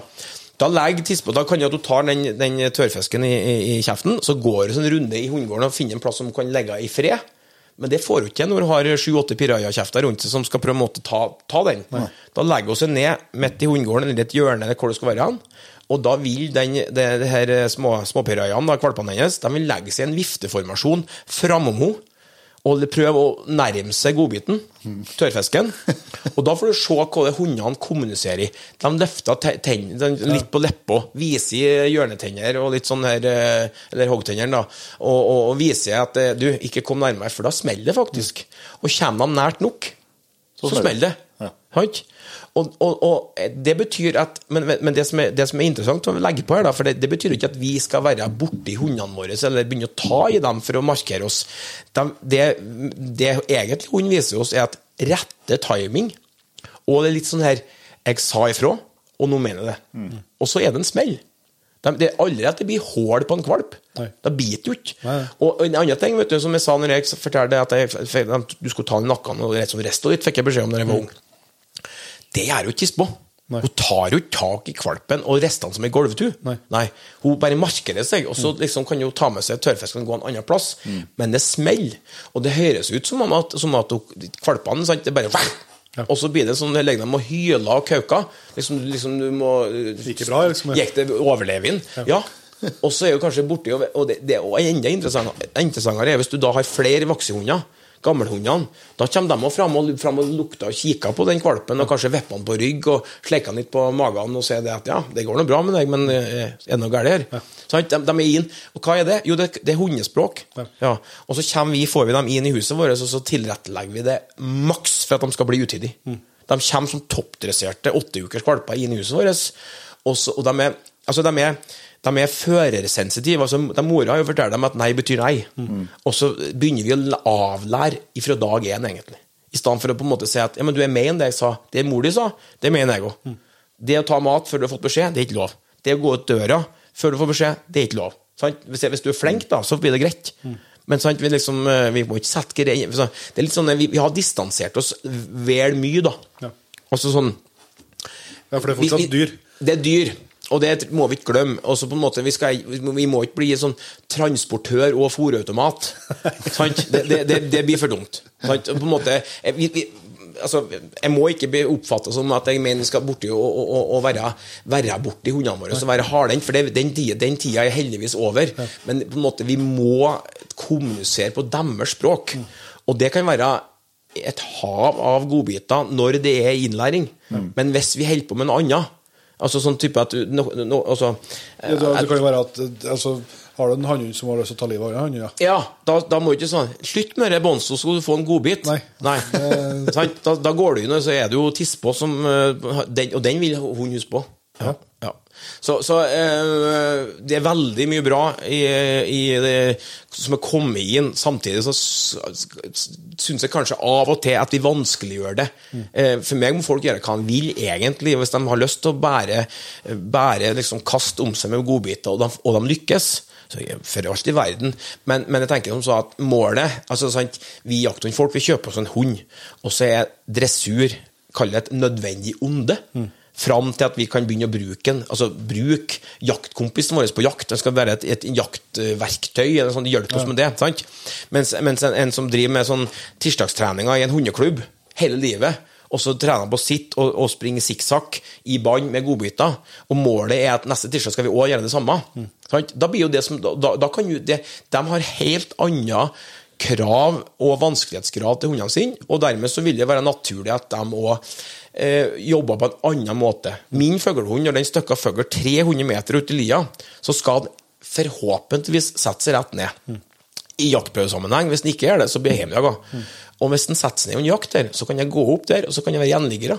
Så kan jeg få skutt med ryp der, selv om den var uheldig og stykka ryp. Ja. Så, og det samme med dreverne mine òg. Hvis at de går etter fair dyr eller fer ut på nabovallet og tenker at det var dumt at postene skal sitte på poster i tre timer, så, men eventuelt kommer tilbake, så syns jeg det er interessant, eh, eller effektivt, da, at jeg kan blæsse i fløyta, og så sier jeg at eh, nå må du komme. Og det må jeg sant? Hvis de får lov å utvikle seg at det er ingen konsekvens av det jeg sier, så vil jo jeg vanskeliggjøre hele greia. Kvalpene er jo det, altså, det er ikke vanskelig å lære en hund å komme når det er kvalp. Det er ikke vanskelig å holde kontakt med en kvalp når det er ung. Nei. For I den grad de ikke vil ha kontakt, så da er- du kan jo, det går an, de fleste greier å sprenge den opp. Du kan jo i hvert fall prøve å sprenge fra den. da. Hvis du ikke greier å sprenge den opp, for vil jo ikke, de, de er jo ikke født ondskapsfulle, hundene. vet du. De er jo født til å være i en flokk. Men hva, men hva gjør du da hvis den dreveren ikke kommer når du roper på den, eller Nei. på den? Da? Det, altså, du kan si det sånn at eh, i, i en innlæringsfase så prøver jeg å unngå at det er mulig. Sant? Så på en måte, hundene, det er i alt, det. Hundene må ikke lykkes med å ikke komme på kommando. Det betyr at du må være veldig flink til å vite når du faktisk skal gi kommandoen. Sant? Hvis, du, hvis jeg begynner, er sånn, dreveren begynner å jage og jage, og jage, og så tenker jeg at nå skal vi gå hjem, da kan ikke jeg rope 'kom', når jeg, selv om jeg har trena innkalling fra valpen før den begynte å jage ordentlig. Sant? Så kan ikke jeg begynne å rope inn hund på lengst mulig avstand fra meg. Da må jeg være, kanskje stå på losstrengen. Og så når han kommer, da, så må jeg si at 'nå skal du komme', og så må jeg på en måte få tak i den. Ja. Men, men, og, og, så på en måte, jeg bruker å si det på fuglehund, så må du være flink til å vite når du skal gi kommandoen. Sant? Eh, Ungene mine, når jeg driver og former det, skal bli uh, ferdig, ferdigdresserte hunder, så prøver jeg jo å tilrettelegge dressuren og, og provokasjonene sånn at det lykkes. Det betyr at hvis det skjer at en, en kvalp, da, unghund, sprenger opp i ryp langt ned i lia, så vet jo jeg innerst i en hvor lydig hunden min er. Det betyr at jeg holder kjeft jeg, hvis jeg ikke tror jeg greier å stoppe den. Ja. Men hvis jeg er kommet dit hen at jeg, at jeg har altså, hvis jeg, hvis jeg er så nært at jeg tenker at nå skal faktisk hunden komme, og det er om det er dreveren altså, eller om det er fuglehund, så, så når jeg har gitt kommandoen, så tenker jeg at jeg må være der sånn at jeg får gjort noe med det. Jeg må ikke stå sånn 'Kom, kom, kom', og så 'Nei, farsken, det fungerte ikke i dag heller'. Nei. Da, så det, jeg må være flink til å jeg må være flink til å gi kommando på rett tidspunkt. Altså enda flinkere til å holde kjeft. da. Ja. Overse det. Det er mye likere enn at man lager et helt sånn 17. mai-kor for hver gang det skjer noe. Ja, det er vel en del av kurs og sånt, og altså nesten altså, like mye trening av folk som av hundene. Ja, Det men det er jo ikke Det finnes jo per definisjon ikke problemhunder. Nei, nei. Det har oppstått noe eh, kommunikasjonssvikt det som gjør at hundene ikke skjønner hva de skal gjøre. Og Ofte tror jeg at eierne har gjort det de kan, og tror at de har gjort det i beste hensikt, altså å, å få til få, at de gjør det rett. Men, men det er på en måte et, et, De har ikke fulgt det opp, og timinga kanskje det, det er ikke noe å rope sitt, vet du. Du må på en måte ha gjort jobben før i. Ja. Og der tror jeg kanskje vi vanskeliggjør det med å på en måte vi er, mye flinkere i dag til å Når du får kvalpen, så gjør vi jobben. Det, det tror jeg elghundfolket er blitt mye flinkere til. og Det, det, det harrehund- og dreverfolket er også blitt mye flinkere til. Men, men fuglehundfolket har jo eh, bestandig hatt voldsomme krav til dressur i jaktprøveformen sin. Ja, ja, ja men også, og et mer Altså mer behov for dressur for å lykkes. Ja, helt klart. Men jeg tror at det har blitt enda mer vanlig å dressere altså, det, er det er egentlig feil ord å bruke dressere, men form kvalpen ifra du får den, til, til en på en måte eh, er, altså, gradvis bygger den opp. da. Ja. For det er liksom det er i hvert fall jeg tenker. Sånn, eh, jeg bruker, bruker å si at jeg, mine hunder de lufter jeg i crocs. Og det, det, det gjør jeg jo selvfølgelig ikke bestandig, det, men jeg har et mål og et ønske om at hundene, når vi lufter, går dem ut om kveldene sånn, så Om jeg går ut på plena oppe i skogkanten hjemme og skal la dem pisse og skite, så, så må ikke det være sånn at jeg må banne ball. Nei. Og jeg, må, jeg ønsker ikke å, å på en måte må ha på meg alt verdens slags altså, Fint å stå på trappa, gå ut og pisse og skite, gjøre dere ferdig. Vi skal ikke på tur nå. Sant? Da må du altså Det å på en måte prege valpen så mye på deg sjøl at han skjønner at vi drar på tur. Du drar ikke på tur alene. Sant? Og det, det tror jeg kanskje Jeg liker ikke fleksibånd. Sånn her trille Ikke hva fleksibånd heter. Sånn der ja, det, uff, det liker jeg dårlig, altså. Det er jo et noe, det er en oppfinnelse som vi ikke trenger. Ja, for at det er hun som får bestemme. Ja. Hvorfor skal han fem meter unna når Han kan tisse på én meters bånd. Ja. Hvis, det, hvis det er det som han er redd for. Ja. Og de får ikke mer trening vet du, om de sprenger fem meter framom deg i bandet, eller om de går på sida av deg, én meter unna deg. Sant? Det blir mye samme til slutt, ja. Ja. Det blir totalt Du kommer fram kanskje til to fem meter forskjellig tidspunkt. Men, nei, men det, altså, det, det, det altså, Jeg skal ikke henge, henge ut noen som gjør det, men, men jeg, jeg, syns det, det, sier noe om kontrollen vi har på den hunden. Og det tror jeg vi kommuniserer med hund. Altså at jeg må ha på et kobbel til hver tid.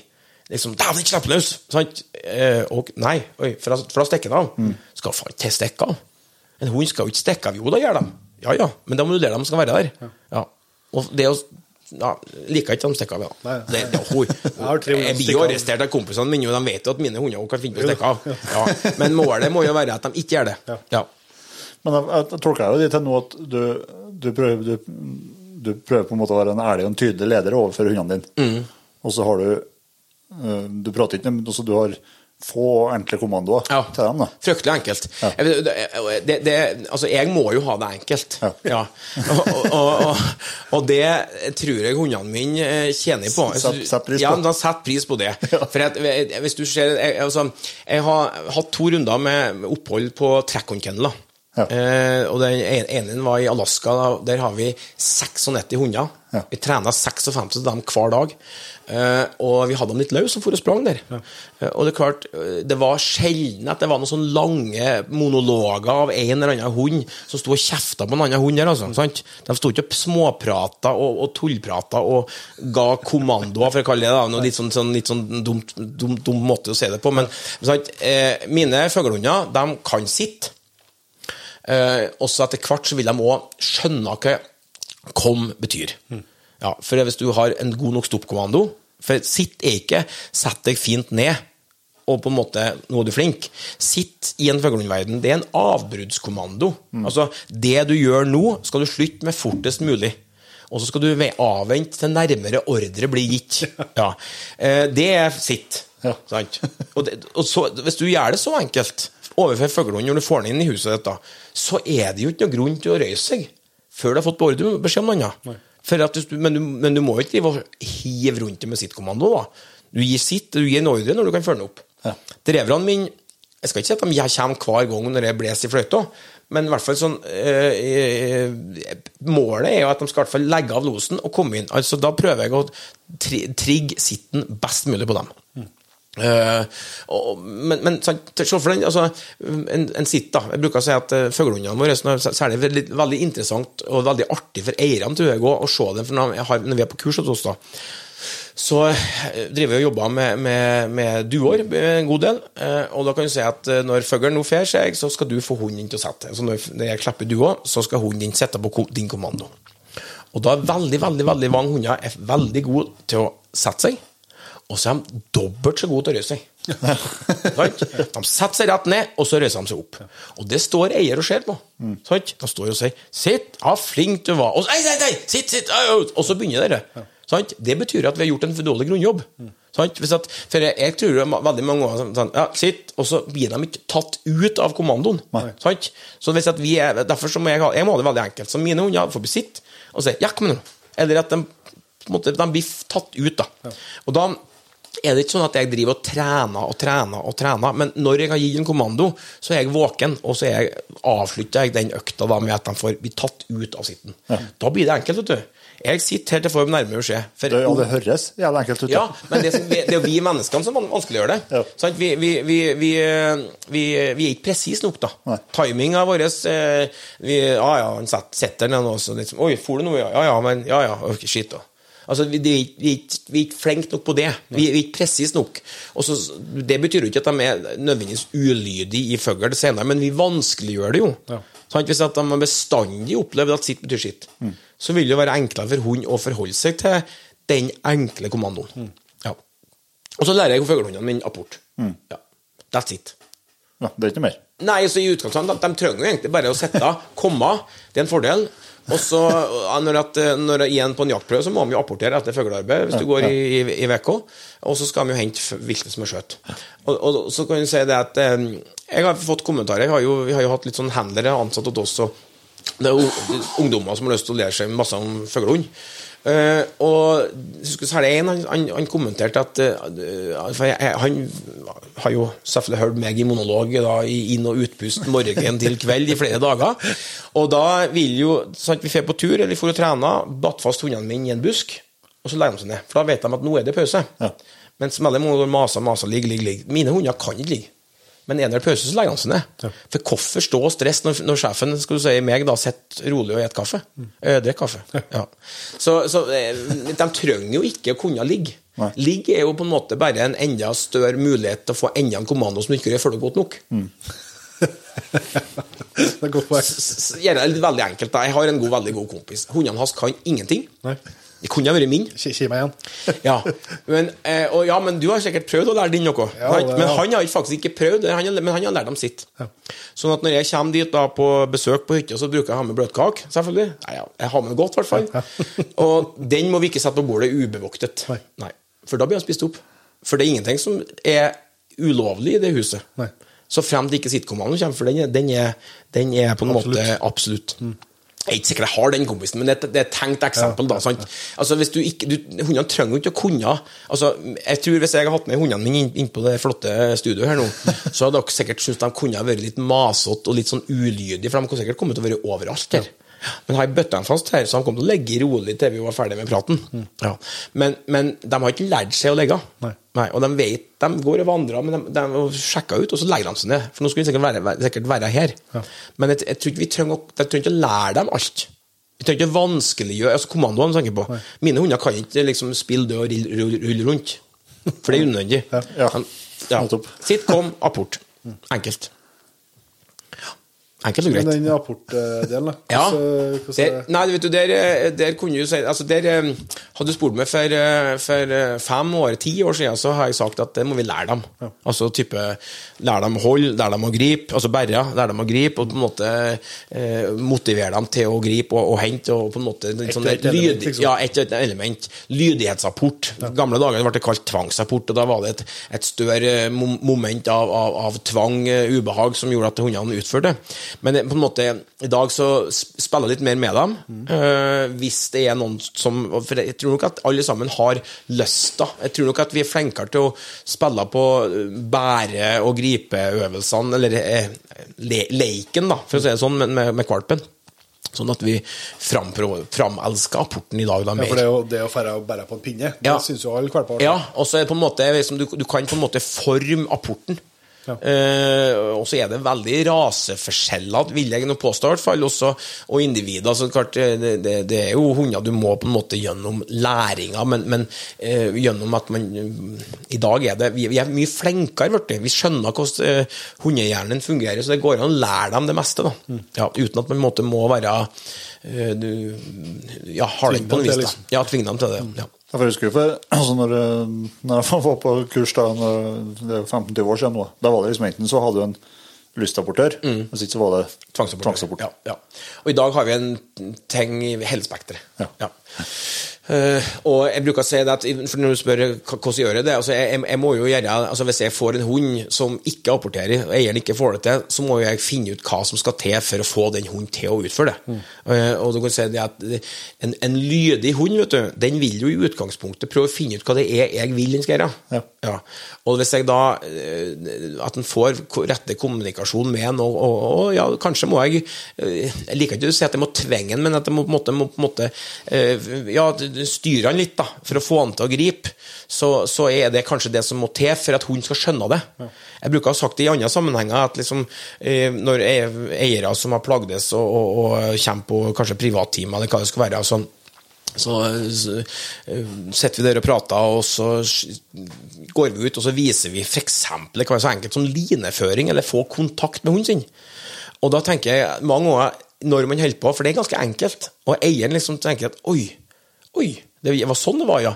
Og da tror jeg at jeg hadde jo kunnet lest tankene til hund, så tror jeg at kanskje tanken kunne vært noe sånt som at Og hvis den kunne snakka, så tror jeg kanskje hun kunne ha funnet på sagt at hvorfor hadde du ikke fortalt meg at det var dette du ønska før i nå? Ja. For jeg tror at det, det, det, for det er kommunikasjon. Alt handler om kommunikasjon og timing.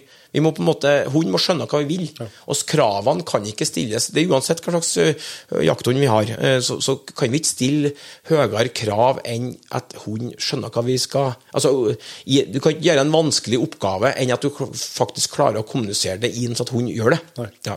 Og det tror jeg det, kanskje mange ferskinger gjør feil. da.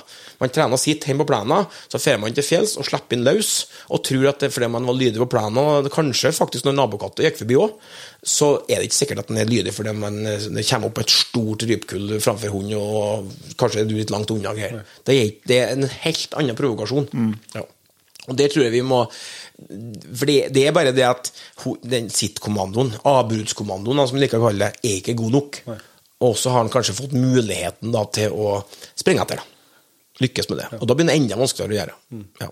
Men jeg sier ikke at, for det er litt viktig å si, jeg sier ikke at vi da skal for mine hunder, hunder i hvert fall sånn i utgangspunktet, litt individuelt, men, men jeg er ikke så nøye på å stoppe valpene i fugl. Men den dagen jeg begynner å stoppe dem, så har jeg lagt grunnlaget godt nok, sånn at jeg vet at når jeg faktisk sier stopp, så kan de gjennomføre det.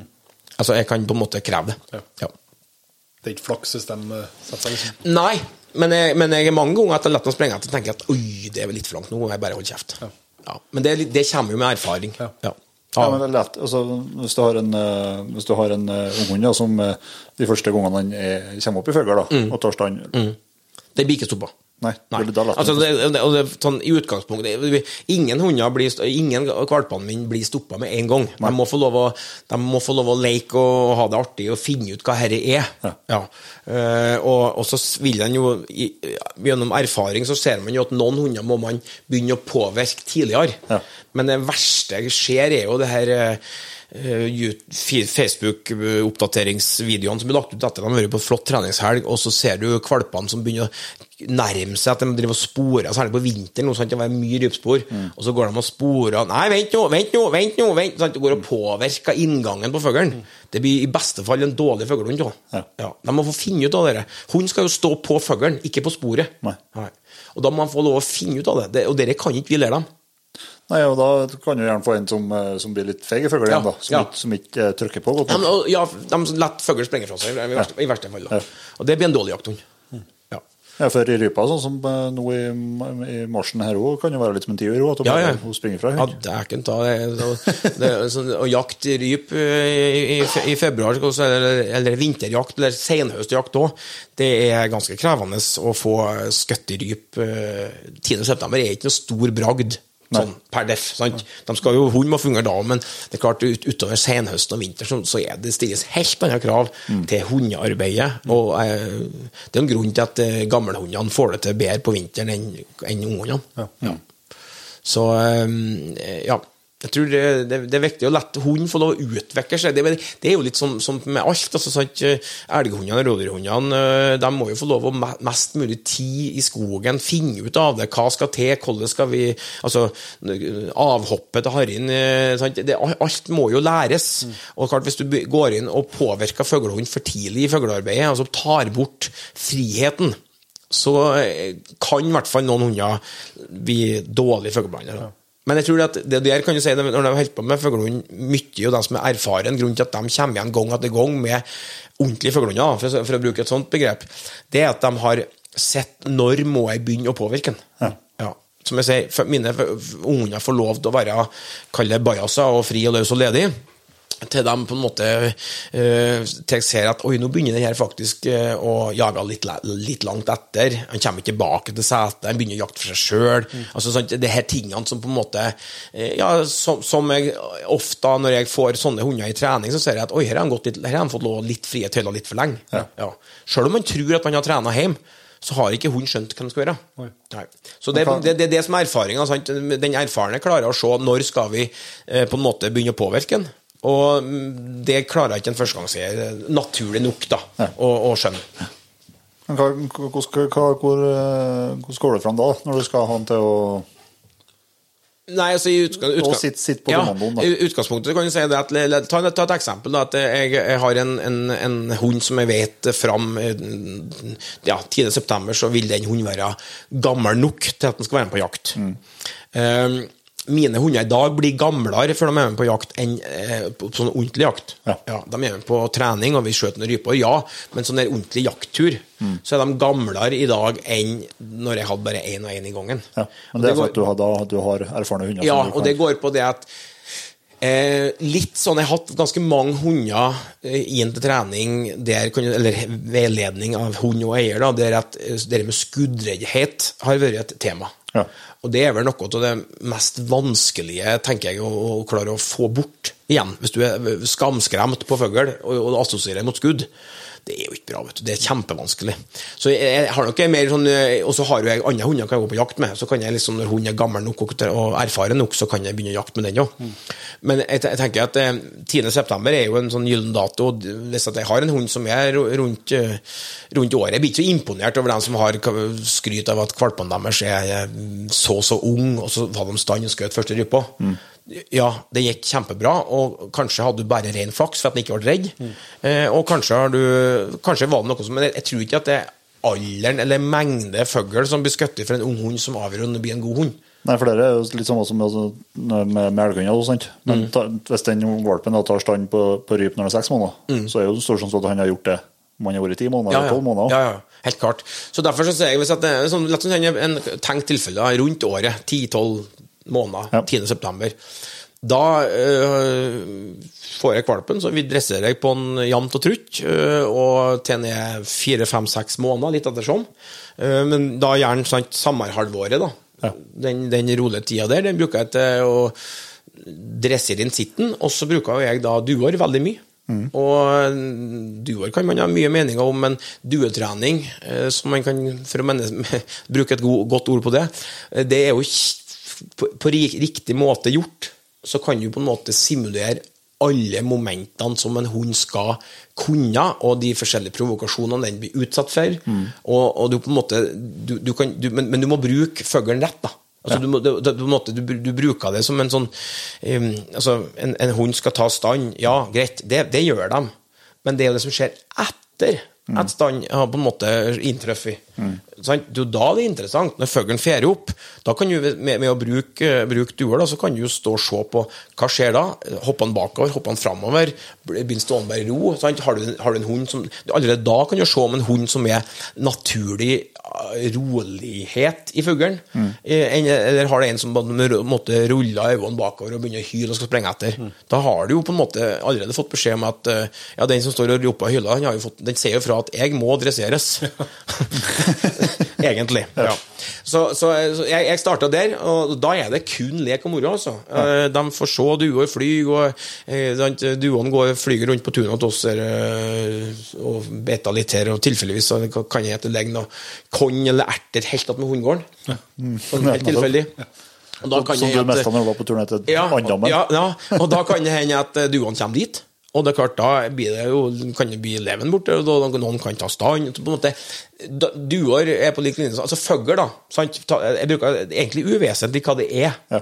Jeg har nå brukt, brukt duer, men sant, har jo bodd etter, etter det er vassa ryp året rundt uansett, og ikke har noe båndtvang og alt. Sant? At på en måte I en sånn annen verden, da.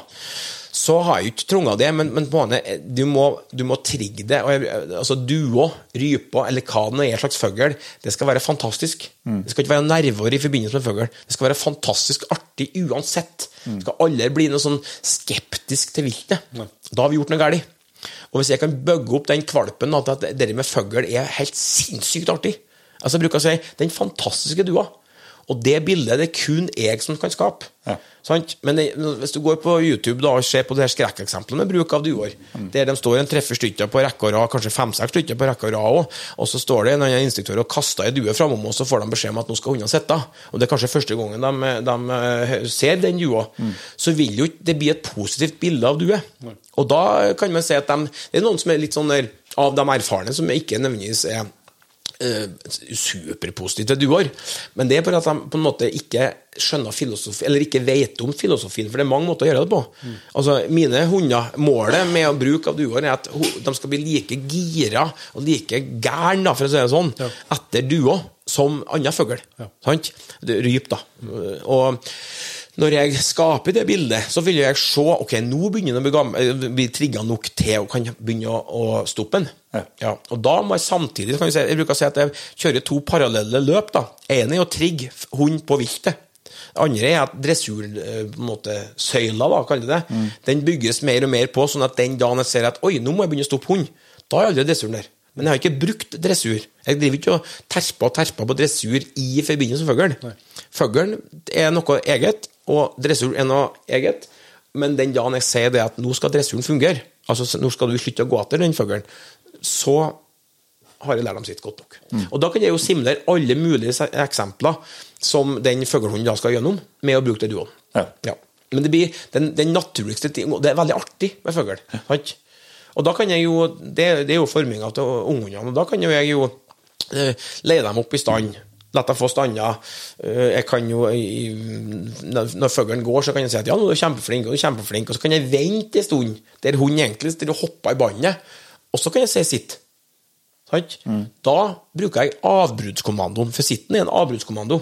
Det er ikke en sånn, jeg ønsker ikke en hund som, som Målet er jo at den i framtida vil stå i ro når fuglen går, men jeg ønsker ikke en situasjonsbetinga duelydig hund. Jeg ønsker en hund som er situasjonsbetinga lydig mot altså, Han skal assosiere kommandoen sitt til handling, og det sitt. Og det sitter rett ned til du får nærmere beskjed. Så enkelt er det. Og da er det enkelt å være hund. Ja, men det vanskeliggjør vi med at vi, vi roper sitt, og nei, nei, jo, ja, ja faen, bare rett og slett tulla. Altså, så vi vanskeliggjør det. Ja, og det er for at vi ikke har kontroll. Og da må vi terpe og terpe og terpe. Så da er liksom, første året, det er litt fugl, og all fugl er kjempeartig. Og så er det da sittkommando, sittkommando sittkommando. Ja. Ja, form og form. Og så ser man jo, sant? noen hunder trenger det, noen hunder trenger ditt. Ja. Og da kan jeg, med, med, I og med at jeg bruker duoen, så kan jeg da få testa hvor i løypa er vi. En annen- ta en andre eksempel, litt hvis jeg får en, annen, en hund som er blitt litt ulydig. da. Eh, Så, så, så er det ikke noe vits at jeg tar den i båndet og så hiver noen duer i hodet på den, og så bare røkker den ned og sier at nå må du sette i ro der. Da blir den situasjonsbetinga. Den blir lydig der og da, mot den situasjonen der. Men hvis den får lov å nesten kan lett å si at den hunden får sprenge etter duer òg, da. Samme som de har gjort med ryper x antall ganger.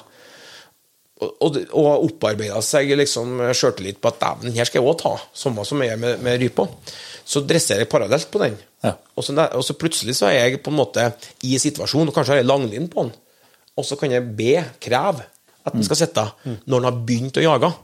For som igjen sagt, sittkommandoen er en avbudskommando. Ja. Ja. Da gjør vi det enkelt. Kult. Men fugl er artig. Fugl må være artig. Ja, ja. Ja, jeg, skjønner, jo at du må bruke dua for øh, Jeg skjønner at du syns at Nærøysund er sentralt, men for ryp, ryp, rypejakt og fugleinntjening på fjellet, så er det ikke så sentralt. Nei, det er i hvert fall mye mindre eh, topper vi jakter på. videre. Sånne små eh, høgtopper. Vi har, vi har helt greit med orrfuglterreng og sånt, men eh, det er jo vi kan jo ikke måle oss med Det er jo en grunn til at vi kjører kjører i Vi er glad i å kjøre bil, vi som driver med fuglehundjakt. Ja. Og ikke minst jaktprøver. Da kjører du i hvert fall mye. Men, eh, men det du sier der nå, så, så vet vi at det, stilles jo unghunder på, på fugleprøver som er Ja. åtte-ti måneder. Ja, de, no, heldigvis så kom det et Da jeg begynte, så var det ikke, var det ikke noen nedre grense. Nei. Nå er det heldigvis uh, satt en grense. Den er ni måneder. Uh, og til alle mine valpekjøperes uh, frustrasjon, når de ringer meg og sier at ja, nå er vi nå nå til helga, nå er jeg ni måneder gammel, da skal jeg på jaktprøve. Så møter de ikke en entusiastisk oppdretter, altså. For da, nei, for da sier jeg å, så spennende, sier jeg da. Ja, det regner jeg med du har hatt vanvittig mye fine situasjoner i forkant, da. Ja. Klargjøring. Altså det, det, jeg har brukt å sagt at jaktprøver det er ikke noe vi Altså Du kjøper ikke en hund for å gå på jaktprøver. Jaktprøver får vi på når hunden er klar. Ja. Og det betyr jo at eh, om en er ni måneder, eller om en er to år, det er opp til hvor mye du som eier, trener, gjør, og individet du har med å gjøre. Ja. Så skal ikke skremme folk til å ikke være på jaktprøve, for det, det, det syns jeg folk skal gjøre bare for å se. For da får vi sett virkelig både gode hunder og hva som ligger i kravene som stilles. Eh, men, men, og det er interessant å se, men, men, men ikke utsett din egen hund for noe som en, ikke, en oppgave som en ikke kan håndtere. Nei. Hvis du ikke har hatt x antall stander på, på rypa, så du vet at det funka, og, og, og heller ikke hatt sjanse til å stoppe den, så har du ikke noe på jaktprøve. Nei. Ja. Og vet, går han etter hver eneste gang på trening, ja, da gjelder det ikke sånn Ja, det må være heldig at det var enten et reinsgjerde eller en stor elv, da, som gjør at du greier å stoppe hund. Det, det, ja. Mitt mål er at jeg, når jeg er på jaktprøve og har stand, og kommer oppå til hund Mine hunder ramper, ja, men jeg har et mål om at når jeg er attmed dem, har jeg stand på jaktprøve, så har jeg et mål om at da skal det bli premie. Ja. Men det, de sprekker, ho, det er jo ikke maskiner. Men, men sant, husk på det at det, hvis at en hund er kjempelydig, kommer ut av fjellet eh, Ta nå den stakkars oppdretten, kvalpen, kvalpkjøperen som har kjøpt hund til meg, da, ringer entusiastisk på søndagskveld og forteller meg at han har hatt ti, eh, ti fuglearbeid, han var lydig i ni av dem. Ja. Da er, jeg, da er jo jeg veldig interessert i å vite hvilket fuglearbeid var han da ulydig på. Ja. For hvis det er det første, så får du ikke ni fuglesituasjoner til den dagen på jaktprøve. For da er du hjemmejaga til første fuglearbeid. Ja. Så hvis du på en måte du, Men at den sprekker i ny og ne, det, det skjer. Ja, ja. Men, men, men, måte, vi trener for å bli gode, og gode jakthunder. Og når hundene er gjennomtrena, så vil de jo òg da naturlig eh, komme Ja, da, da, da, er, det bare å stille, da. Da, da blir jo Premien kommer jo. Det er bare å gjøre, gjøre jobben. Men hvis du forstår det sånn at du begynner liksom i hermetegn dressuren, da, altså helt ifra valpen kommer i hus? Ja. Liksom Forminga. Forma, jeg, jeg, liker å kalle det forming istedenfor dressur, da, men, men, men, men dressur er jo et, et fint ord på det. Men, men form altså, Valpen kommer toppdressert inn i huset, og da bare lærer han seg fort at vi lufter oss i lag. Eh, på tunet, og de går opp i skogen og tisser og bæsjer om kvelden, og det de skal gjøre. Eh, men de stikker ikke av, for det gjør ikke de. Vi går på tur i lag, og hvis jeg ser at den skal komme, så lokker jeg den i begynnelsen. sånt, men, men hvis, den, hvis den vet at den egentlig skal komme, og så har tenkt å føre en annen vei, så gir jeg beskjed om at det, det, det, det skal du ikke- skal du ikke gjøre. Eh, så gjør det enkelt. Veldig enkelt. For da, da, da, da blir det sjansen for at hundene misforstår oss, er, jo, jo flinkere og tydeligere vi er, eh, jo mindre sjanse er det for at hundene misforstår oss. Ja. For det ser vi jo grunnene til at vi får hunder som har eh, problematferd. som- Eller det er jo ikke, det er jo ikke, det er jo ikke atferd, men at de har f.eks. slutta å røste fugl. Det er jo et kjempetema. Ja, tre- tre- reisen. Treg i reisen, ja. De, de, de, står og sier ja, og så vil ikke hun jage opp fuglen på kommando. Det er jo noe som eh, i hvert fall kanskje eh, da vi begynte på, var det mer utbredt enn det er nå. Om det, om det er genetikk, eller om, vi, om, eller om vi er flinkere til å se signalene. Jeg, jeg, jeg velger og tror at det er det siste. Eh, men men uh, ofte er det en sammenheng med at dressuren har vært for dårlig. altså Hunden har ikke skjønt hva vi vil. Så blir det en masse roping og kauking, eller stilt krav, så hunden blir usikker til hva han skal gjøre. Og så blir det den siste sikre plass, da det er bare bestående i ro. For da skjer det ikke noe. Og det mm, tror jeg, Hvis at dressuren hadde vært god nok, så hadde vi sluppet unna de problemene der. da. Ja. Uh, og da mm, og skulle, oppstå, skulle de problemene der oppstå, så, så bruker jeg komme i gang fortest mulig. Se, se at nå er det noe på gang. Nå er det det er ikke noen røst kjempegodt, og så plutselig så begynner det å være dårlig til røys. Eh, så må vi liksom tenke oi, nå må vi være litt eh, Nå er vi våkne, for det må ikke en, en en, en atferd må ikke få be- befeste seg hvis det er en atferd vi ikke ønsker at hun skal gjøre. Eller sant, hvis den ikke altså, Å ikke gå fram på min kommando, det er jo på lik linje som å ikke høre etter sitten. Det er jo ordrenekt. Det er å ikke gå fram og jage opp fuglen òg. Men hun ikke sikkert skjønne at det er det han skal. Og for at det har vært feilkommunikasjon i forkant. Så da er jo på en måte bare å lære dem det, det òg. Men kanskje, da Der kan vi bruke duoen. Altså, skal ikke bli sånn misjonærforedrag om at du, duer er det eneste ene her, men altså, det, det er jo en fugl vi har kontroll på. Den kan vi sende ut når vi vil. Vi kan ha så mange repetisjoner som vi vil ha, som vi trenger. Uh, og vi kan da få mjuka opp de her uh, Det kan være nerver i forbindelse med fugl, det kan være usikkerhet som gjør at liksom, Hva er det egentlig du mener? Eh, så vi kan få retta det opp og, og, og få indoktrinert en, en kommando da, som røys skal være. Ja. Men kan du, kan du da velge å hvis du har en, Kan du da velge å gå opp fuglen sjøl, da? Ja, det kan du. Jeg, du, du kan snu, snu på det. For å unngå at det ødelegger reisen, så velger jeg å gå opp fuglen sjøl. Ja. For da bruker altså en, en, Alle hunder, utgangspunktet, da, så er alle hundene født med en reis. Ja. Det er bare at noen skal bitte lite grann til, og det kan være nok at de snubla snubler i en bjørkelegg når de røster rypa første gangen. Så blir de Nei, dæven, røys, det er jo ikke artig. Og så har du dem som på en måte røyser gjennom bjørka. Og kommer ikke gjennom, så tar de fart og prøver en gang til. Ja. Det er to forskjellige individer, sant? Men, men eh, det viktigste er jo å unngå å, å bruke reisen. Altså, bruk, altså tren på det hun ikke kan. Alle hunder er født med en eller annen form for røys. Sant? Så når hundene da, eh, i stedet for at vi sier ja, ta opp fuglen, og så kommer nei-et eller stoppen da, etterpå så, For det, det er jo to ting. Mm. Et Fuglearbeid er delt opp av mange forskjellige moment. Så hvis man på en måte heller da terper på at det som er viktig når fuglen letter, det er at hunden står rolig. For å få fuglen til å ferde, så må man enten reise få hunden til å reise, fuglen, sant? Eller så må vi få fuglen til å ferde. Og, da, men da, da, og da, derfor så går jeg da i 90 grader framom hunden. Ikke parallelt med hunden, jeg går ikke forbi hunden. For da er det jo helt unaturlig for hunden å bli stående igjen. Ja.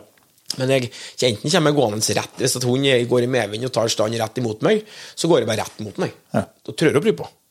Trør opp rypa. Og da har jeg jo ikke brukt racekommandoen. Da kan jeg òg da kreve stoppkommandoen.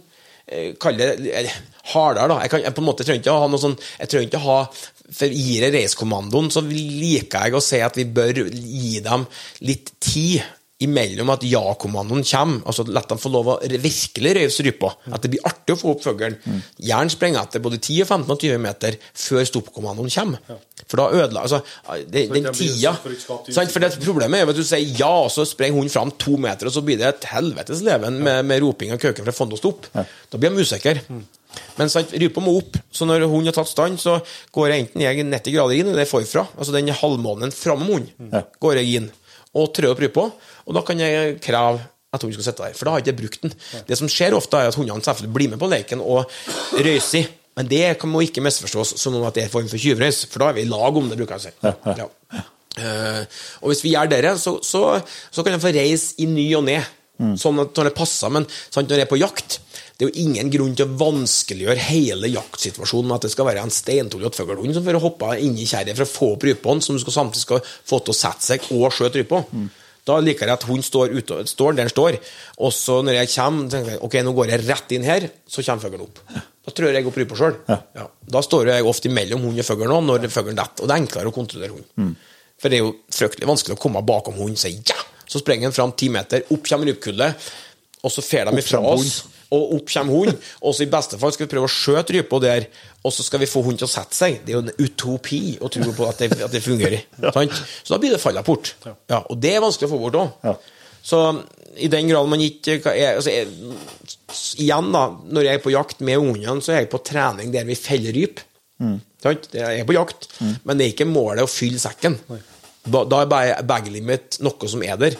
Men, men når jeg er ute med gamlehundene, så er jo bag limit interessant. Ja. Ja, ja. Nei, men det, det tror jeg er et veldig hett tips til, til førstegangs for det, det er jo lett å det, Vi snakka litt om det før her, Også dere eh, som jeg i kjempa veldig godt for jeg hadde eh, jeg hadde én elghund, og som du sier, ringte rundt og prata med folk og spurt og grov, og, og alt sånt, så, så masse tips og mye tips om å være tålmodig og ja, bare vente og la den bli eldre og så. Mm. Masse, masse gode tips som jeg skjønner at var gode tips nå, men som var vanskelig å plukke opp da, for jeg hadde bare den ene hunden som jeg så veldig gjerne ville ha skjøt elg for. Ja, ja. Og, det, og det er jo noe her når den første fuglene i høsten endelig kommer, og du uh, så, og justere både ambisjonene sine, og kanskje tenke at eh, ja, denne høsten her skal jeg bruke til å prøve å få til hund. Mm. Uh, og så får heller kompis være med og skjøte hvis det her begynner å gå godt. Ja. Altså, hvis hvis det er for som du ser, tror på den utopien at her skal vi til fjells og Bank ned fugl, ja. Yes. ja.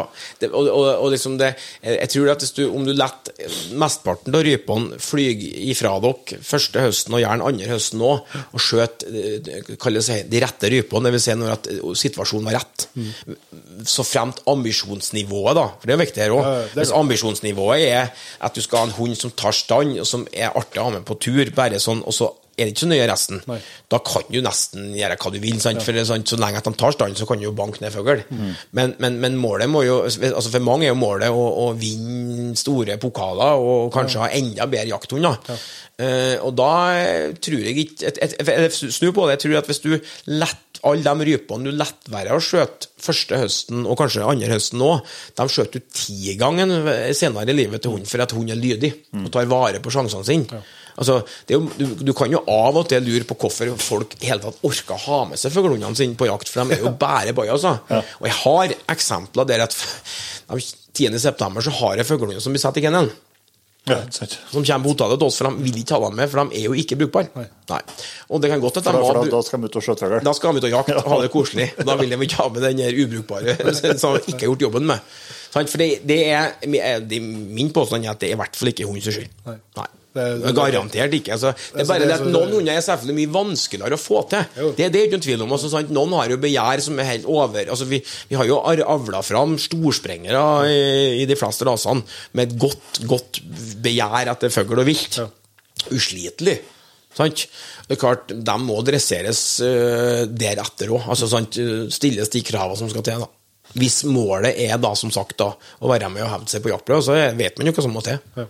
Men hva, du, altså, du, så du har jo et kull sjøl, men øh, folk som skal ha sin, eh, sin første, hva, hva tenker du sånn om linja? og så Hva bør du på måte være oppmerksom Ja. Hva bør du snakke med oppdretteren om skal jeg si, for Ja. å bestemme det? Ja, det, det, det, er jo, det er jo kjempe Det, er- jo, kunne vi skrevet bøker om sant, valg av rett hund i det kullet. Ja. Men, ja, men ikke, men- tar med hvis det handler om kullet først, da. Ja, du, ja, ikke sant? For, hvis du, for det er liksom, liksom Jeg har jo folk som ringer meg og spør Jeg har lyst på den i den rasen.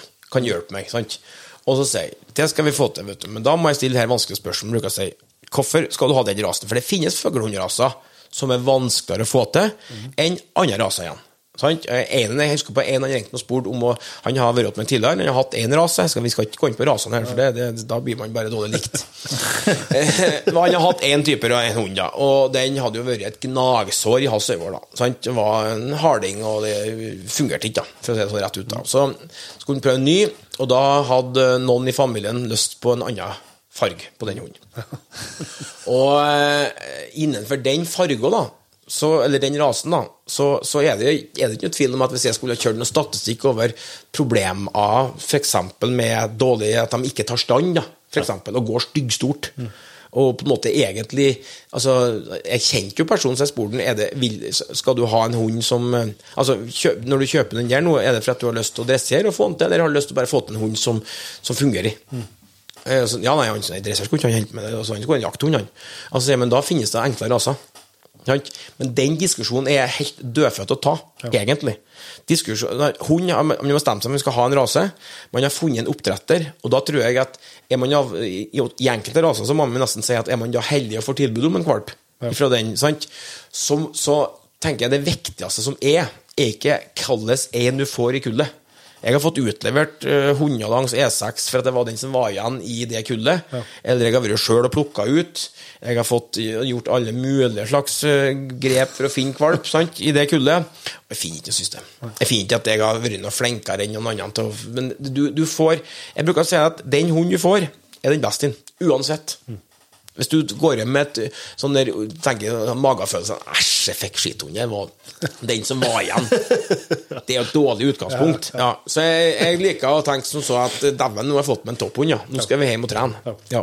Og eh, jeg tror det har like mye å si hva du som eier og trener og fører gjør med det individet. Eh, Det finnes utskudd, ja. Begge veiene. Ja, ja, Men, men Men det ikke noe jeg det- tror kanskje jeg skulle ha sånn helt, Hvis man skal gi ett råd, ikke ta den som er gærnast, og ikke ta den som gjemmer seg. Ta en liksom en, en sånn intetsigende kar midt i kullet. Ja. Ja. Og sant, husk på at i hvert fall for fuglehundrasene, i de fleste fuglehundrasene, som er av de mest populære, i hvert fall, så er det jo sånn at man, det det er selektert bort og avla på stort sett gode, relativt gode individer uansett. Så det, det er liksom øh, Ja, jobben må starte. Ja, altså, jeg, altså Det er jo så mye fuglehunder, og det er jo fuglehundklubber og alt i hop, så det er jo Det skal jo være greit å, å klare å Ja, ja. Og avlsråd. Og, og så er det jo bestandig noen erfarne i, i, som du går an å spørre i den rasen. Ja. Sant? Så når jeg skulle kjøpe meg en, sånn, en forster nå. Så, så, en måte Jeg har jo kompiser som jeg visste Når jeg skal ha faktisk en Jeg skal jo ikke ha en fuglehund. Nei. Altså, jeg kjøper meg en fuglehundrase som skal brukes som apportør og støtende hund. Mm. Altså det som den var, rasen var avla for en gang i tida. Ehm, så kan jeg at det skal bli fuglehund òg, men jeg var, måte, da, da, da lette jeg en plass der det var større sjanse for å finne de Egenskapene egenskapene som var på en måte framavla. Ja, for da, da, du, du gikk ikke etter dem med høyfjellspremieringa? Nei, eh, det, jeg- det tror jeg på. Jeg tror nok at eh, mange forskere kan, kan jage og akkurat sånn som det jeg skal bruke dem til, men, men jeg tenkte som så at kanskje jeg skal bare finne en som blir brukt til det den skal brukes til. Ja, så jeg havna at en, Det gir et bedre utgangspunkt? Da oss håpe. Lett oss håpe det, at det er det, da. Men jeg får i hvert fall best inn, da. Helt sikkert. Ja, men jeg vet altså, sånn, Vi snakka om så Du har engelsetter og hatt det hele veien. Altså, vi snakka med, med Astrid her i, i høst, og så hun snakka og bare bet merke at hun sa det om den hunden som hun vant NM med, Mm. og det kullet og den linjene der. Hun sa liksom det at det var jo en hund og en linje som var valgt ut for at det skulle prøve å vinne NM. Mm.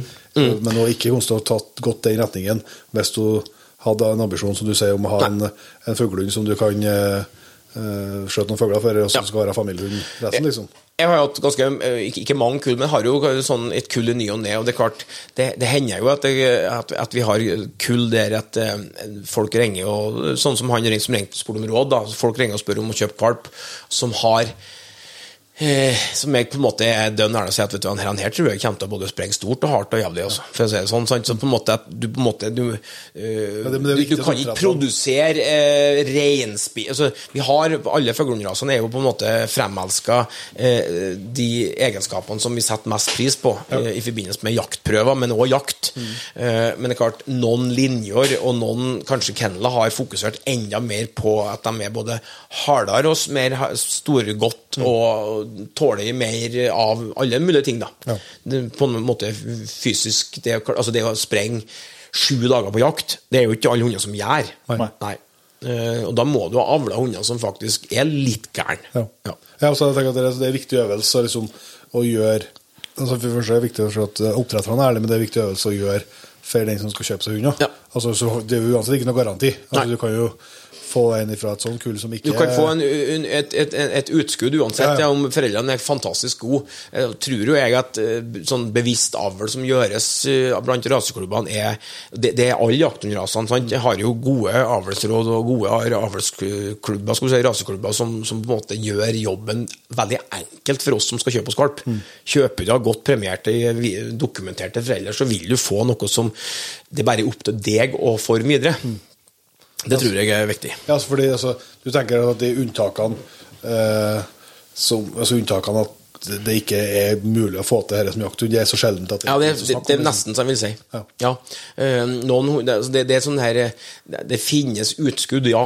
Det er muligens, men jeg tror at det er, det, det er mangel på muligheter like mye, altså. Eh, jeg, jeg tror du kan få til nesten hva som helst hvis du bare Noen må ha mer av, eller mindre av noe, Ja.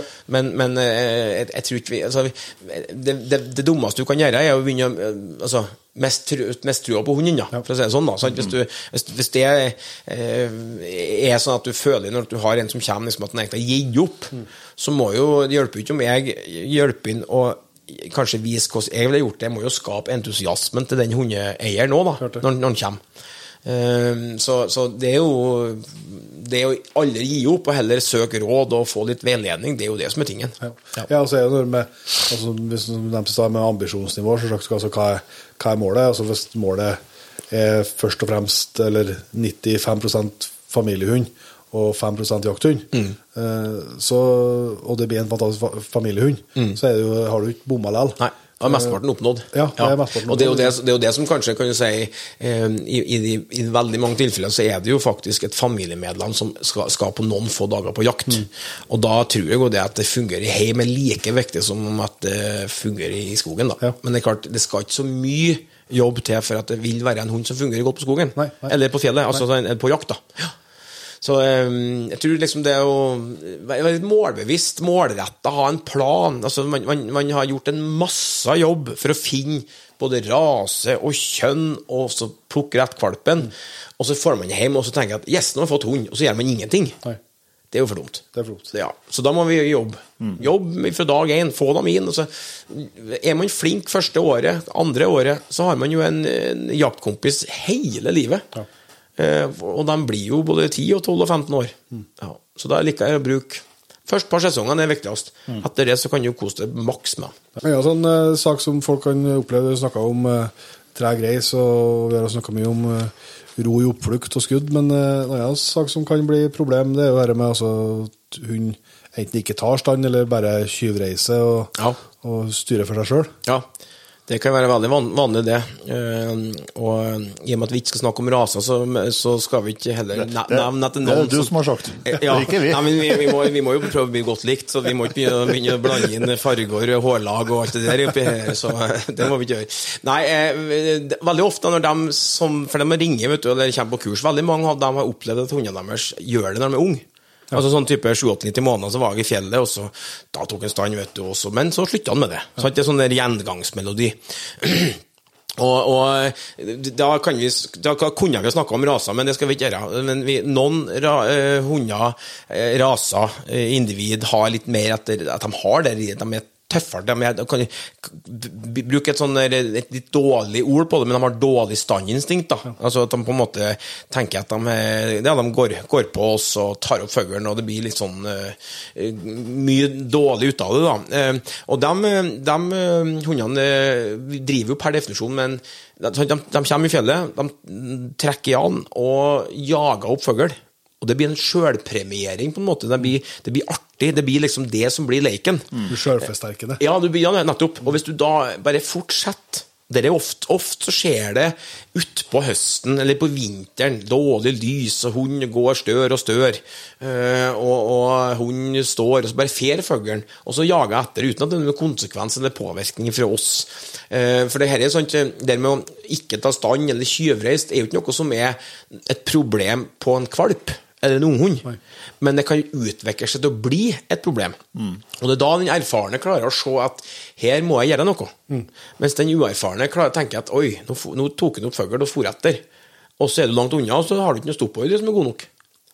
Og det klart, eh, så, så for å på en måte ta, ta eh, løsninga på det, da, så er det jo at du må få hunden til å slutte å jage fugl. Altså, du, må, du må befeste en stoppkommando som er så god at når du stopper gir stoppkommando, så vil hunden stoppe. Da har du på en måte Det, det er metodikken, løsninga, for å nå gjennom. Så er det ikke så enkelt at det er automatisk at hvis du bare får en god nok sitt, så vil hunden begynne å ta stand. Men, men la oss si en sånn type at, at du gjentatte ganger da, klarer å fortelle hunden da, gjennom at du greier å stoppe den, at det var det bra. Det var bra at du stoppa nå. Altså Du får tatt bort muligheten til sjølpremiering, nettopp det som er jaginga. da, Det er sjølpremieringa her. Så hvis du da klarer å få en god nok stoppkommando, altså avbruddskommando med det du gjør nå, det stopper du med, så vil hundene begynne å ta stand. Det er i hvert fall min erfaring. Ja. De fleste vil begynne å ta stand, for den artigheten, altså den sjølpremieringa som skjer etter at de har tatt opp fugl og jaga, den er jo ikke til stede, for vi greier å stoppe den. Det, sant? det er løsninga, men, men, men veien til det målet er jo ikke like enkel. Nei. For du skal jo på en måte Det, det er en jobb å gjøre å få hund så lydig. Sant? Men igjen, da. Man har på en måte stilt krav. Man har trena på dårlige forhold, kanskje. På en måte, han har ikke vært tydelig nok og ikke vært ærlig nok med seg sjøl. Er dette en god treningsdag? Snøstorm, lavt skydekke, eh, skodd, eh, dårlig sikt. Det er jo ikke noen dag for å formferdige en, en, en hund som har begynt å bli litt utidig. Nei. Du kan gå ut med en valp og ha det artig, og du kan jakte med en gammel hund som er lydig. Men du kan ikke gå bort du, du ser jo ikke hva hun gjør. Nei. Og da har de fått sjølpremiert seg og gjort masse egenerfaringer om at dette er artig. Så gjør det bare vanskeligere og vanskeligere. Og da, da er jeg litt sånn frustrert på hundene sine vegne, da, når, når de så gjerne da tettest mulig opp mot jakta ringer og presenterer problemet sitt. Typisk her, da. 780 september. Yes, da ringer de, vet du. Og så er problemet, da, og så sier jeg ja, men det, det, det går an å løse på. Men når begynte dette, da? Nei, det var sånn før jakta i fjor òg. Ja. Det er jo forferdelig, tenker jeg da. Da har de hatt et, et år og visst at de har et problem, noe de kunne jobba med, og så har de ikke gjort noen ting. Nei. Og da tenker jeg som sånn at jeg ringer til han her trønderen, vet du, for da får vi litt sånn hjelp, eller får hjelp fra noen erfaren. Sånn. Det er ikke sånn det fungerer. Dressur er, det er gjentatte gode repetisjoner over tid. Det er det eneste som gjelder. Om det er innkalling i rådelos som jeg prøver å få til, sant? så er det sånn at når hunden har jaga lenge nok, så må jeg få til eh, mange nok innkallinger. Det skal bli artig å komme inn. Det, det, det å være lydig skal være artig. Og da må, da må jeg altså Alternativet er at hun er litt ulydig. Da må jeg være litt streng, og det er ikke artig. Sant? Så derfor så, det, det, er liksom, det, det det er terp og terp og terp. Og så er det jo jeg, jeg, kommer ikke unna det her at jeg eh, og, og, kan bruke altså Har man tilgang til fugl Det er liksom eh, hvis, det hvis man er borti ryp sånn fire ganger før jakta begynner, eller før du skal på jaktprøve, så har ikke den hunden nok muligheter til å utføre den oppgaven da, som en blir satt til. Men hvis, hvis, hun har mange nok repetisjoner over tid, og det er sant, da kan jeg ja, kalle det noe Jeg liker ikke å kalle det juks, men på en måte jeg bruker da duår. Mm. Så kan jeg terpe og terpe og terpe. Eller du kan snu på det og si jeg kunne ha brukt tomflasker, jeg kunne ha brukt eh, fotballer, jeg bruker en provokasjon, jeg bruker noe som sier at ok, han har jækla lyst til å sprenge etter den fotballen. Sant? Men når hun har sprunget fem meter etter den fotballen, og jeg ble så fløyte, så skal hun høre etter. For sprenger jeg etter fotballen, og kommandoen kommer, og han ikke setter seg Ja, det kan jo Det blir som å sprenge etter dua eller sprenge etter rypa. Han kommer aldri til å sette seg da, hvis han har begynt å, å, å ignorere den absolutte stoppkommandoen som skal være. Så på en måte gjør det enkelt, altså, og ikke ikke kom skjevt ut. Ikke, ser, man, altså, ser man at jeg har et problem, et begynnende problem, ta tak i det tvert. Ikke gå og tenk helg etter helg. Dæven, nå begynner det å bli bra treg til å røyse fuglen. Du så det jo for faen meg for fire helger siden. Da må du gjøre noe med det. Ja, og da må du ta kommandoen og på en måte si at ja, men du skal fram nok med den. Ja, kjempebra. Ja, flink, ja. Og så krev det. Ja. Da blir det enkelt å være hund. Ja, så tenker jeg, at vi, vi snakker jo tuller jo mye med den evige innkallingsproblematikken på, på hundene våre. Og der, eh, altså, og det, det er jo snakka mye elghundfolk elgviltfolk om det, og mange har jo historier samme som for så vidt jeg har hatt òg. Og vet Jon Inge, samme viser, altså at eh, i starten så har vi innkalling. De første losene og kanskje første elgen, og det funka. Og så er det slutt på det. Altså, det blir bare vanskeligere og vanskeligere. Men det er jo sannsynligvis som du sier, altså, at det handler jo om at det utgangspunktet vi starta med, var ikke godt nok. Nei, altså, det, det var godt nok til å få det til første Og så på en måte så er vi så opptatt av å få lostid nok. Det sant? Når jeg trener reven, så, å, mer og mer lostid. Ja. Elghund står så fire, og fem og seks timer i skogen. Eh, Og jo, jo mer tid, jo, jo, ha, altså, jo mer vi er ute, jo mer vi på en måte introduserer dem for det viltet eller den jaktformen de skal hjelpe med, jo mer jaktgæren blir de jo. Altså Jaktlysta stiger mer og mer og mer. Og mer.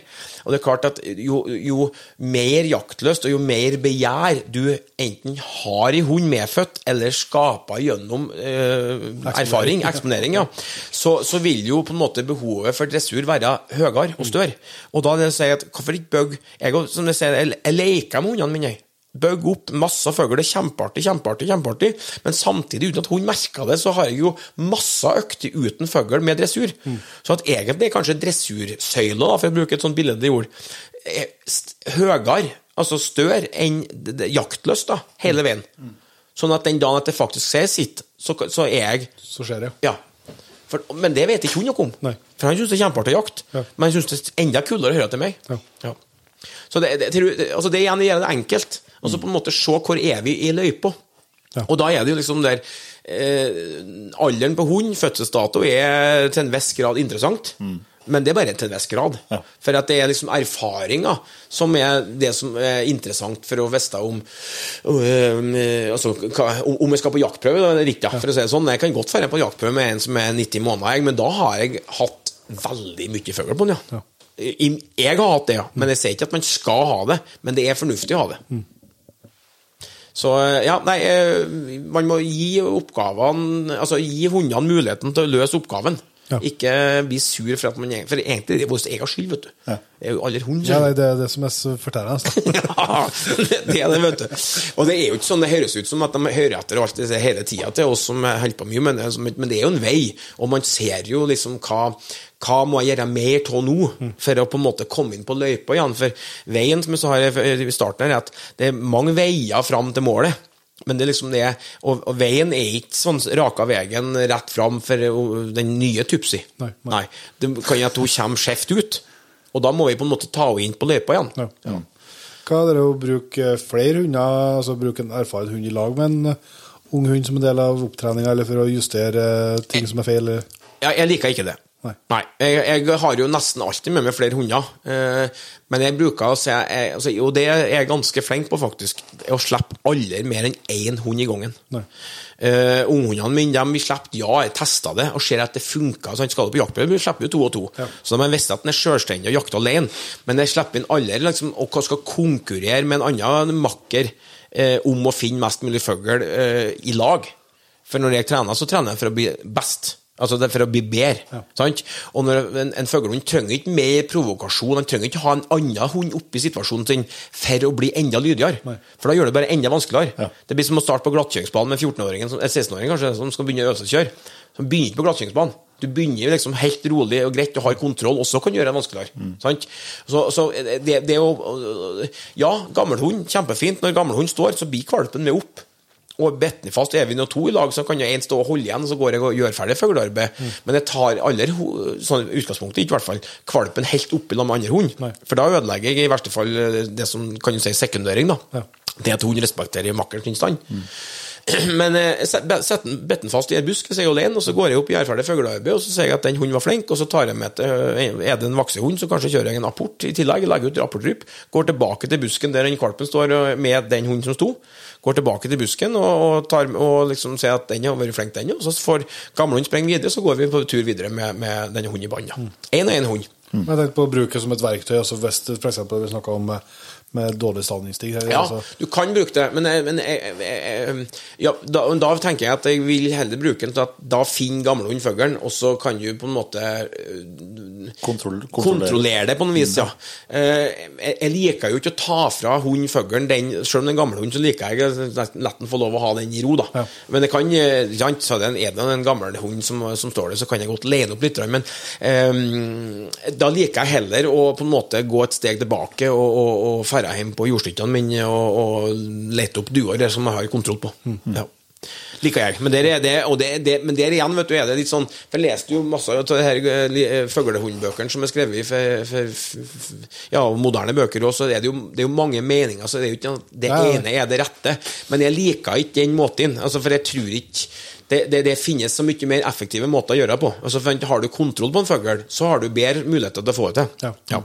Nei, så, så er dere så med, Vi snakka helt innledningsvis, så snakka du om, og det snakker vi mye om med mange av her, med hundespråket og liksom det å måtte prøve å forstå det og, og ta med seg elementer fra det inn i, inn i forming av hund.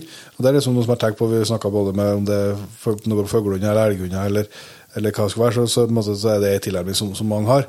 Men vi, det er liksom Eh, samme er jo på, på elghunder, så, så er det ikke noe populært.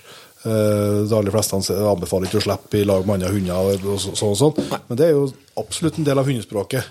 Altså av ulveverdenen, for å kalle det det. er jo, det er jo en grunn til at de går i lag til de er to år, for at de skal lære det de skal Ja. kunne på disse. Men akkurat der har vi der på en distansert oss, hermetegn, da. Ja, men, jeg det tror, er- men det tror jeg litt Jeg tror, jeg, jeg, tror jeg, har, jeg har ikke særdeles mye erfaring med de andre gruppene her, men jeg tror om en ung harrehund, f.eks., drever som jeg har, da om han får lov å være med på en, et samjag i begynnelsen, så tror jeg ikke det er skadelig, men det må ikke være det som er, med, som er på en måte det som skjer bestandig. Nei. For du skal jo ha en hund som, som, som finner dyret sjøl og loser på det sjøl, og henger på.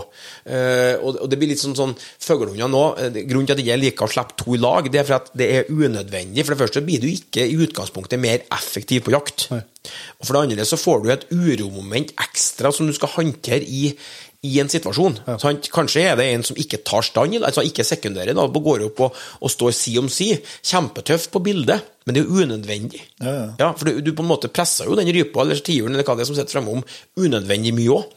Så det er liksom, det er ikke noe poeng i. Nei. Men har du en dressert hund, en som er lydig, en som du skal på jaktprøve med, så, så er det fint å ha et slipp i ny og ne. Og så har du, ja, som Da når jeg var ute og trena sammen med en kompis, så tok hans hund stand. Så sier jeg du, skal vi teste litt nå? Han, den er jo kjempelydig.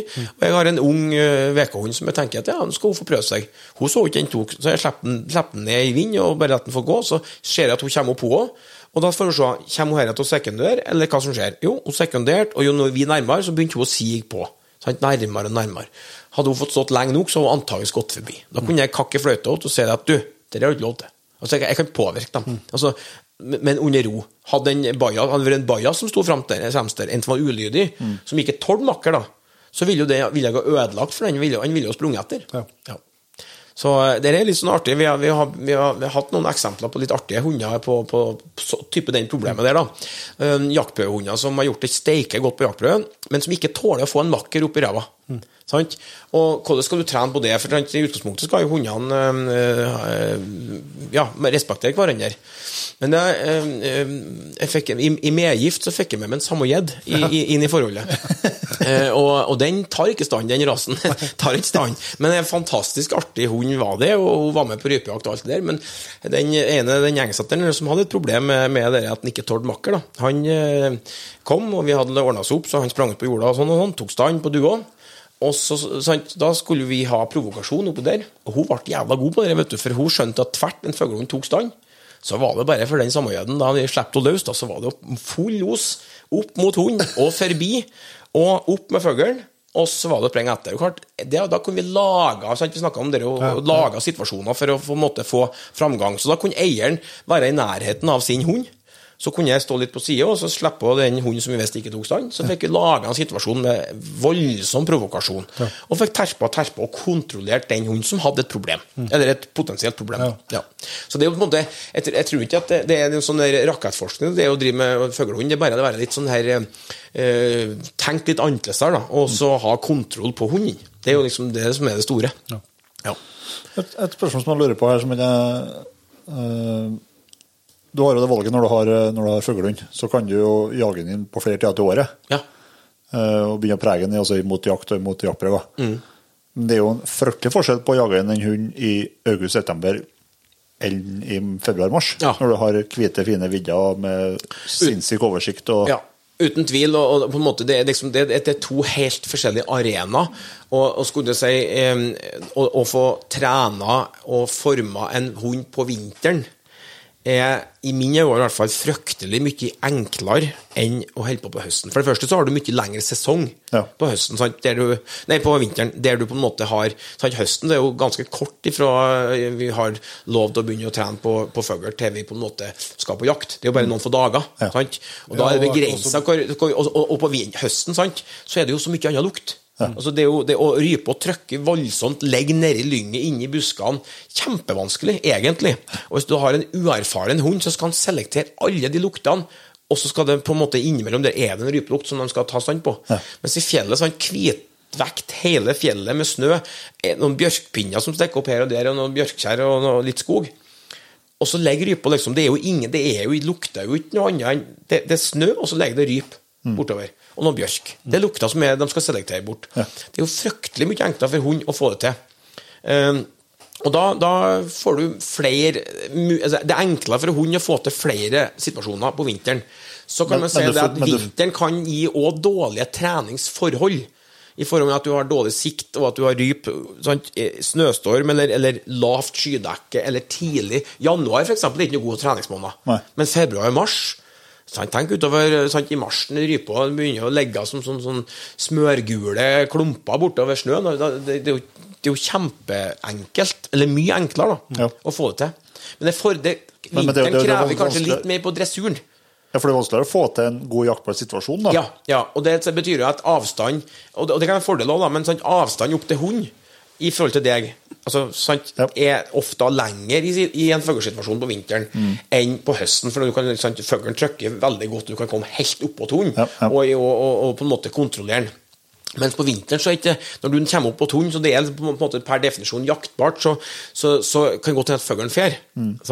Og det kan være, hvis, men har du en lydig hund, da, så er det, er det enklere å få til mange gode repetisjoner på vinteren enn på høsten. Det er i hvert fall min mening. Ja. Og En annen, annen greie er jo at på vinteren så er jo fuglen òg lenger unna hund.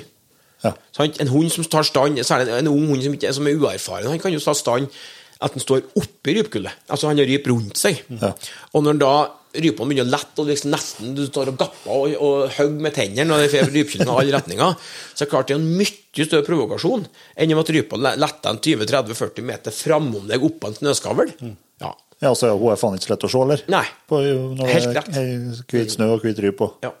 Så, så er altså, vinteren er ikke noe tvil om at da, det er i hvert fall da jeg føler at jeg har lang nok tid å få til mange nok repetisjoner til å kunne si at eh, sånn type Ja, høsten kjempefint, jeg får gjort mye med valpen og unghund, men når jeg begynner å skal på en måte tune den inn mot jaktprøver, eller på en måte gjøre ferdig en som, som, som er da blitt to år, og dermed stilles mye mer krav til, så er det klart jeg har en mye, mye lengre sesong på vinteren, og det er så mye enklere å komme til. Ja. Ja, og så blir jo, har du på en måte tida fra deg på en måte. Altså på, som du sier, Fra 21. august til 10. september er kort tid, men så kommer, skal du ikke så forbaska langt etter 10. september før jakta er betydelig dårligere igjen. Ja, ja, og sant, du Altså, kan jo komme snø, og rypa Ja. begynner vanskelig å trefe løvfellinga, og Yes. fuglen får jo, Yes, blir jo uh, urolig. Og, ja. Passer det jul, så blir det bare bedre og bedre. Ja, egentlig, egentlig jo varmere og lengre dager vi får utover i februar-mars, jo bedre blir det jo. vet du. Det er ikke noe, det er ikke noe tvil om det. Altså ikke så mye annet som skjer. Nei, det er ikke mye annet. Det er jo litt, litt mindre jakt. Høsten er jo fryktelig travel. Skal jo, skal jo fylle fryserne. Men eh, før eh, altså, vi nevnte litt sykling, eh, hva, ja, sånn trening og fôring. eh, Har du liksom Altså, jeg- Nå har du sett mye hunder, hatt mye hunder. Hvordan ja. Jeg, altså, jeg, jeg, lær, jeg lærte den første runde jeg hadde med sånn trekkhundkjøring, det var i 2004. Jeg var i Alaska. Og, og da, da, da fikk på en måte det å, å fôre hunder og trene hunder og ha en plan for det, ble, ble noe helt annet enn liksom der dallinga det, liksom, når hun- hun- hundene mine var sliten og for dårlig trena og ikke eh, da var de heller, I utgangspunktet var de kanskje for dårlige til å spise. i utgangspunktet sant, Så når, at, når at de i tillegg ble veldig slitne, så ble de jo i hvert fall ikke noe bedre til å ete. Nei. Så da måtte, satt jeg nesten med en sånn liten sånn teskje og lura i dem noen godsaker. da, sant? Det, det, det, meningsløst, tenker jeg i dag, da, men det var, vi forsto nok bedre da. Men, eh, men eh, sant, eh, det å på en måte ha altså, Som jeg sier, den måneden i året min hunder har det roligst, det er mai. Ja. Ja, for at hele, sånn sier, om, vi ikke har lov til å trene hund i april, sant, så er det jo fantastisk skisesong, og det er jo jaktprøver eh, utover april, og i hvert fall deler, av, landet. Men, men sant, det å snørekjøre, og du får, hundene får en kjempekondis, og de holder på liksom, Sesongen min er liksom ut april, eh, og da stopper prøvene, og da er det liksom fjelllivet over, og kanskje en isfiskertur i mai hvis en har god tid. Men mai er den måneden jeg bruker å si at min hund har det roligst. For når 1. juni kommer, da begynner jeg å sykle med ungene. mine. Prøver å sykle litt i mai òg, men det, det er forskjellige andre som skal gjøres. Uh, og da så, så har en plan. Målet er jo 10. september. Da, da er det, for min del er det jo sånn at jeg har litt ryptelling i, i august, og så har jeg, jeg er jo på jaktprøver stort sett, jeg òg, fra prøvene være med fra 21. jeg òg, når jaktprøvene begynner. Og klart, da har jeg eh, trekkhundfolket, da. Da begynner liksom når temperaturene går langt nok ned på høsten. sant? Når de blir lave nok temperaturene på kvelden, ja, type 1. august det er sånn typisk da, dato, så det er jo ikke, det er jo ikke poenget å sette en dato, men sånn cirka. Så begynner de å trene hundene sine regelmessig og jevnt. For temperatur er sinnssykt viktig. Hvis du skal sykle med hundene dine, så må det ikke være for varmt. De kan kollaps. Det, blir, det, blir, det er ikke god trening. Hva setter du grensa på? Nei, godt ytternamnorsk vær. Sommer er jo, det er jo et sjeldent problem, men eh, 12-15 grader Jeg liker ikke at det er noe varmere, nei. Nei, nei. Helst, eh, helst at du må ha vottene på, da er det, da er det fint. Mm. Men, eh, men 12-15 grader er fint. Og så sykla jeg veldig rolig. Som jeg sa igjen, trekkhundfolkene begynner i august, men, da, men prøven, men konkurransene deres er jo etter jul. De har fire-fem måneder med trening. Nå har de litt andre forhold, litt andre ø, ø, ø, utfordringer enn hva vi utsetter for hundene våre for. Dem. Men, men hvorfor ikke en, legge en plan for det og prøve å trene hundene våre, om det er harrehunder, elghunder eller fuglehunder? Jakthunder de skal jakte, og datoen kommer. Og Hvis det er første tur de er løs, så har du et mye mye dårligere utgangspunkt enn om at du har gjort jobben. Så da tenker jeg som så, altså, Hvis jeg kan få til tre-fire-fem dager i vekka med noen kilometer på hver runde. For jeg har en grusvei som går rett utenfor gården, og så en rund, rundtur. det kan- Jeg kan være lang eller kort rundtur, og den er da fem eller sju kilometer lang. Begge løypene går forbi ei elv. Det betyr at halvveis så kan jeg vatne dem og la dem bade litt. grann. Men det er bare sånn drikking, og så sykle videre. Og da holder jeg igjen på bremsene, så de, de sykler 12-13-14-15 km i timen framover. Trav? Trav, ja, det, får ikke til. For de, de, de kan få galoppere så hardt de vil, men jeg bestemmer farta. Mm. Og da drar jeg så kan du si, eh, hvis jeg, Du kan se at jeg får jo også lengre treningsøkt på samme lengde kilometer med at jeg holder meg igjen. Mm. Så du kan si, jeg, jeg kan kjøre fem kilometer på under 20 minutter, men det er ikke god trening for hundene, for det er, liksom, det er, det er jo sprint. Men jeg kan, i utgangspunktet bruker jeg en sånn 5-7-8-29 minutter på det. Og da er jeg liksom sånn ja, 12-15 km i timen. da. Rolig. Og så er den svakeste, den tregeste, hund som bestemmer farta. Ja. Så det, er ikke, det er ikke en som skal henge igjen. Andre må gjerne dra hardt, men det er den som er gamlest og tregest, som, som på en måte stemmer i farta. Har du han Har du den eh, gamleste, tregeste hunden? Har du den I- Når jeg kjører, fram ja, når jeg kjører sykkel, så kjører jeg to eller tre hunder. Ja. Uh, og da er liksom kunsten, og, i og med at jeg har ganske mange hunder og har hunder i trening, så er jo kunsten å finne hvem skal gå i lag. Ja. Så når vi har dem som jobber hos oss, så har vi en list da, som står at eh, du skal ut fire runder, og det her er åtte hunder som skal trene, så dem og dem går i team. Ja.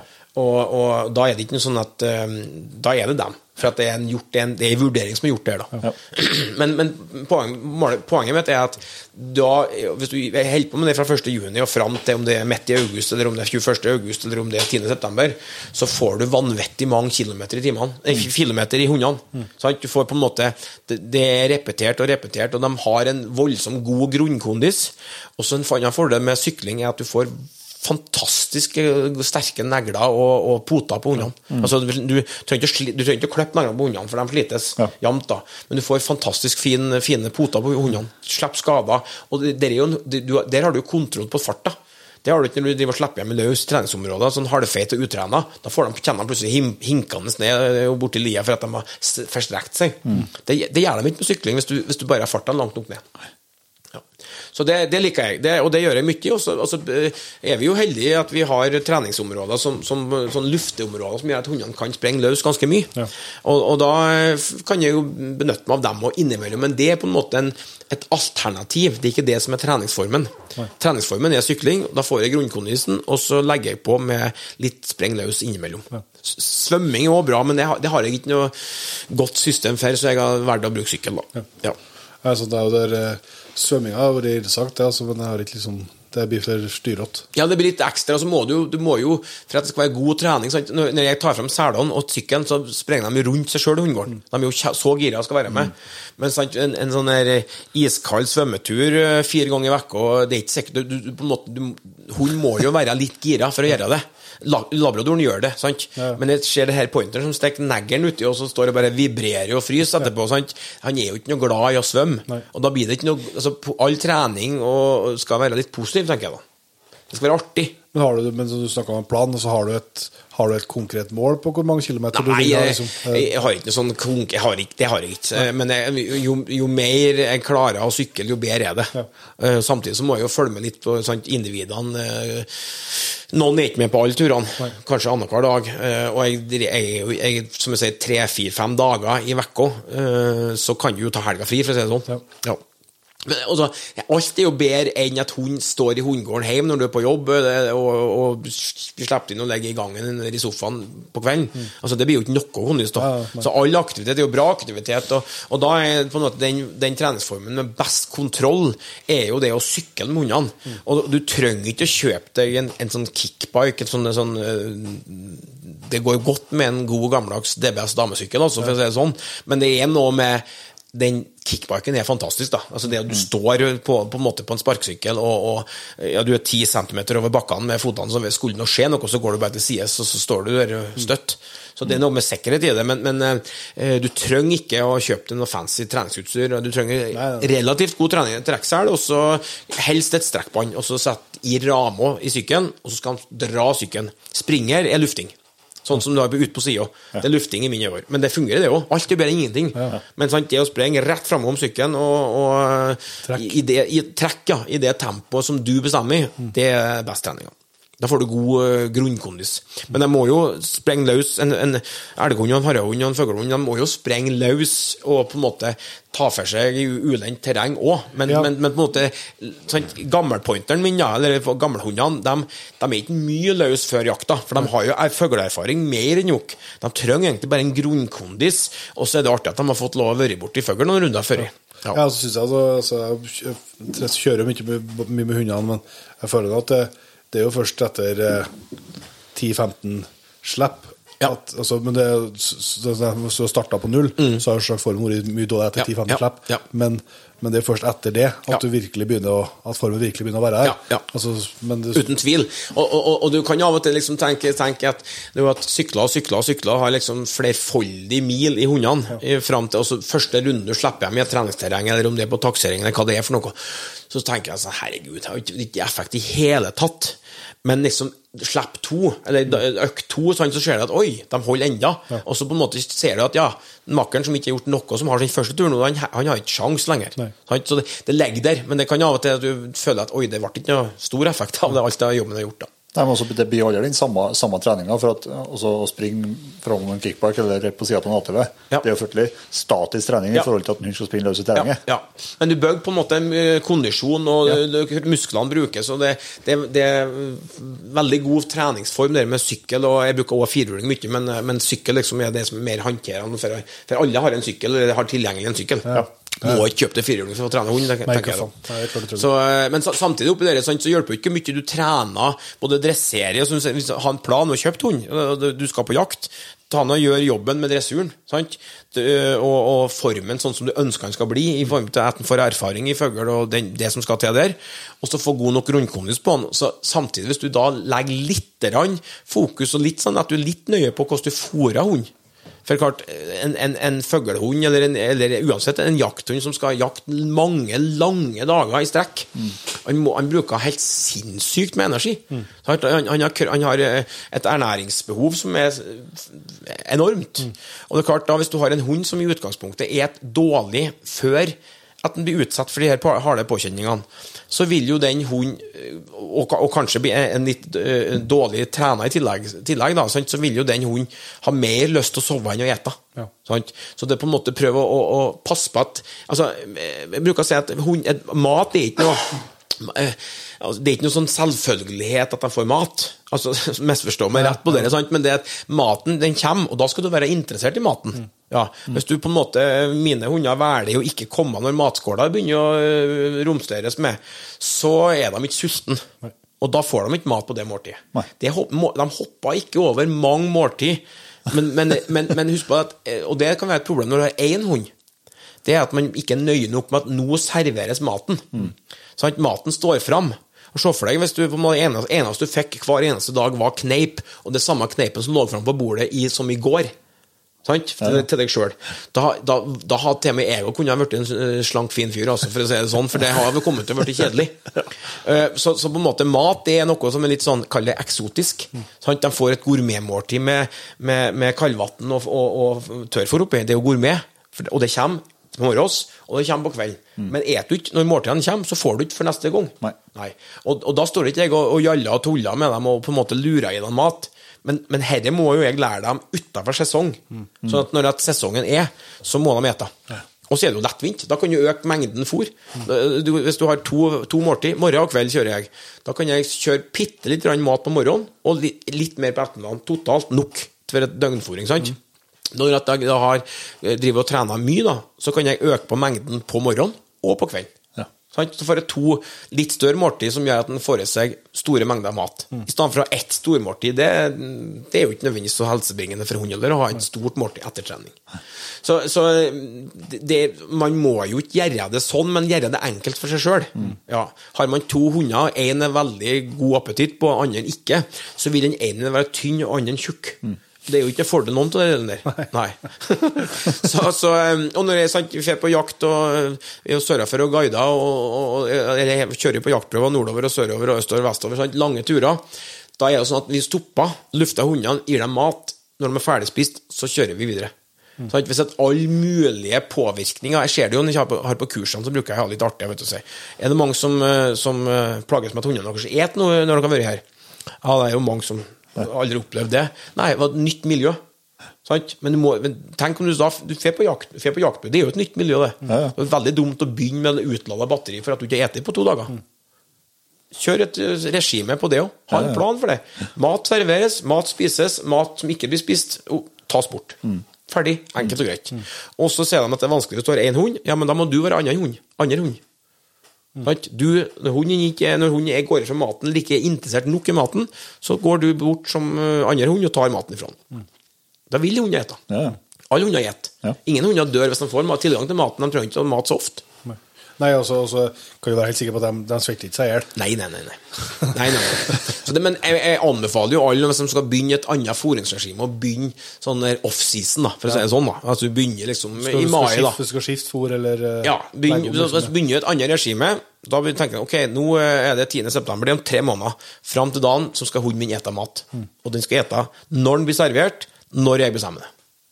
Ferdig. Det for det er ikke noe altså Det er så lettvint når du har hunder som Ja. De, de får matskåla, der de eter, eter opp maten på to minutter, og så er jeg ferdig. Det er fryktelig lettvint. Fryktelig enkelt. Og, du kan jo, da, og da kan du regulere inntaket. Ja.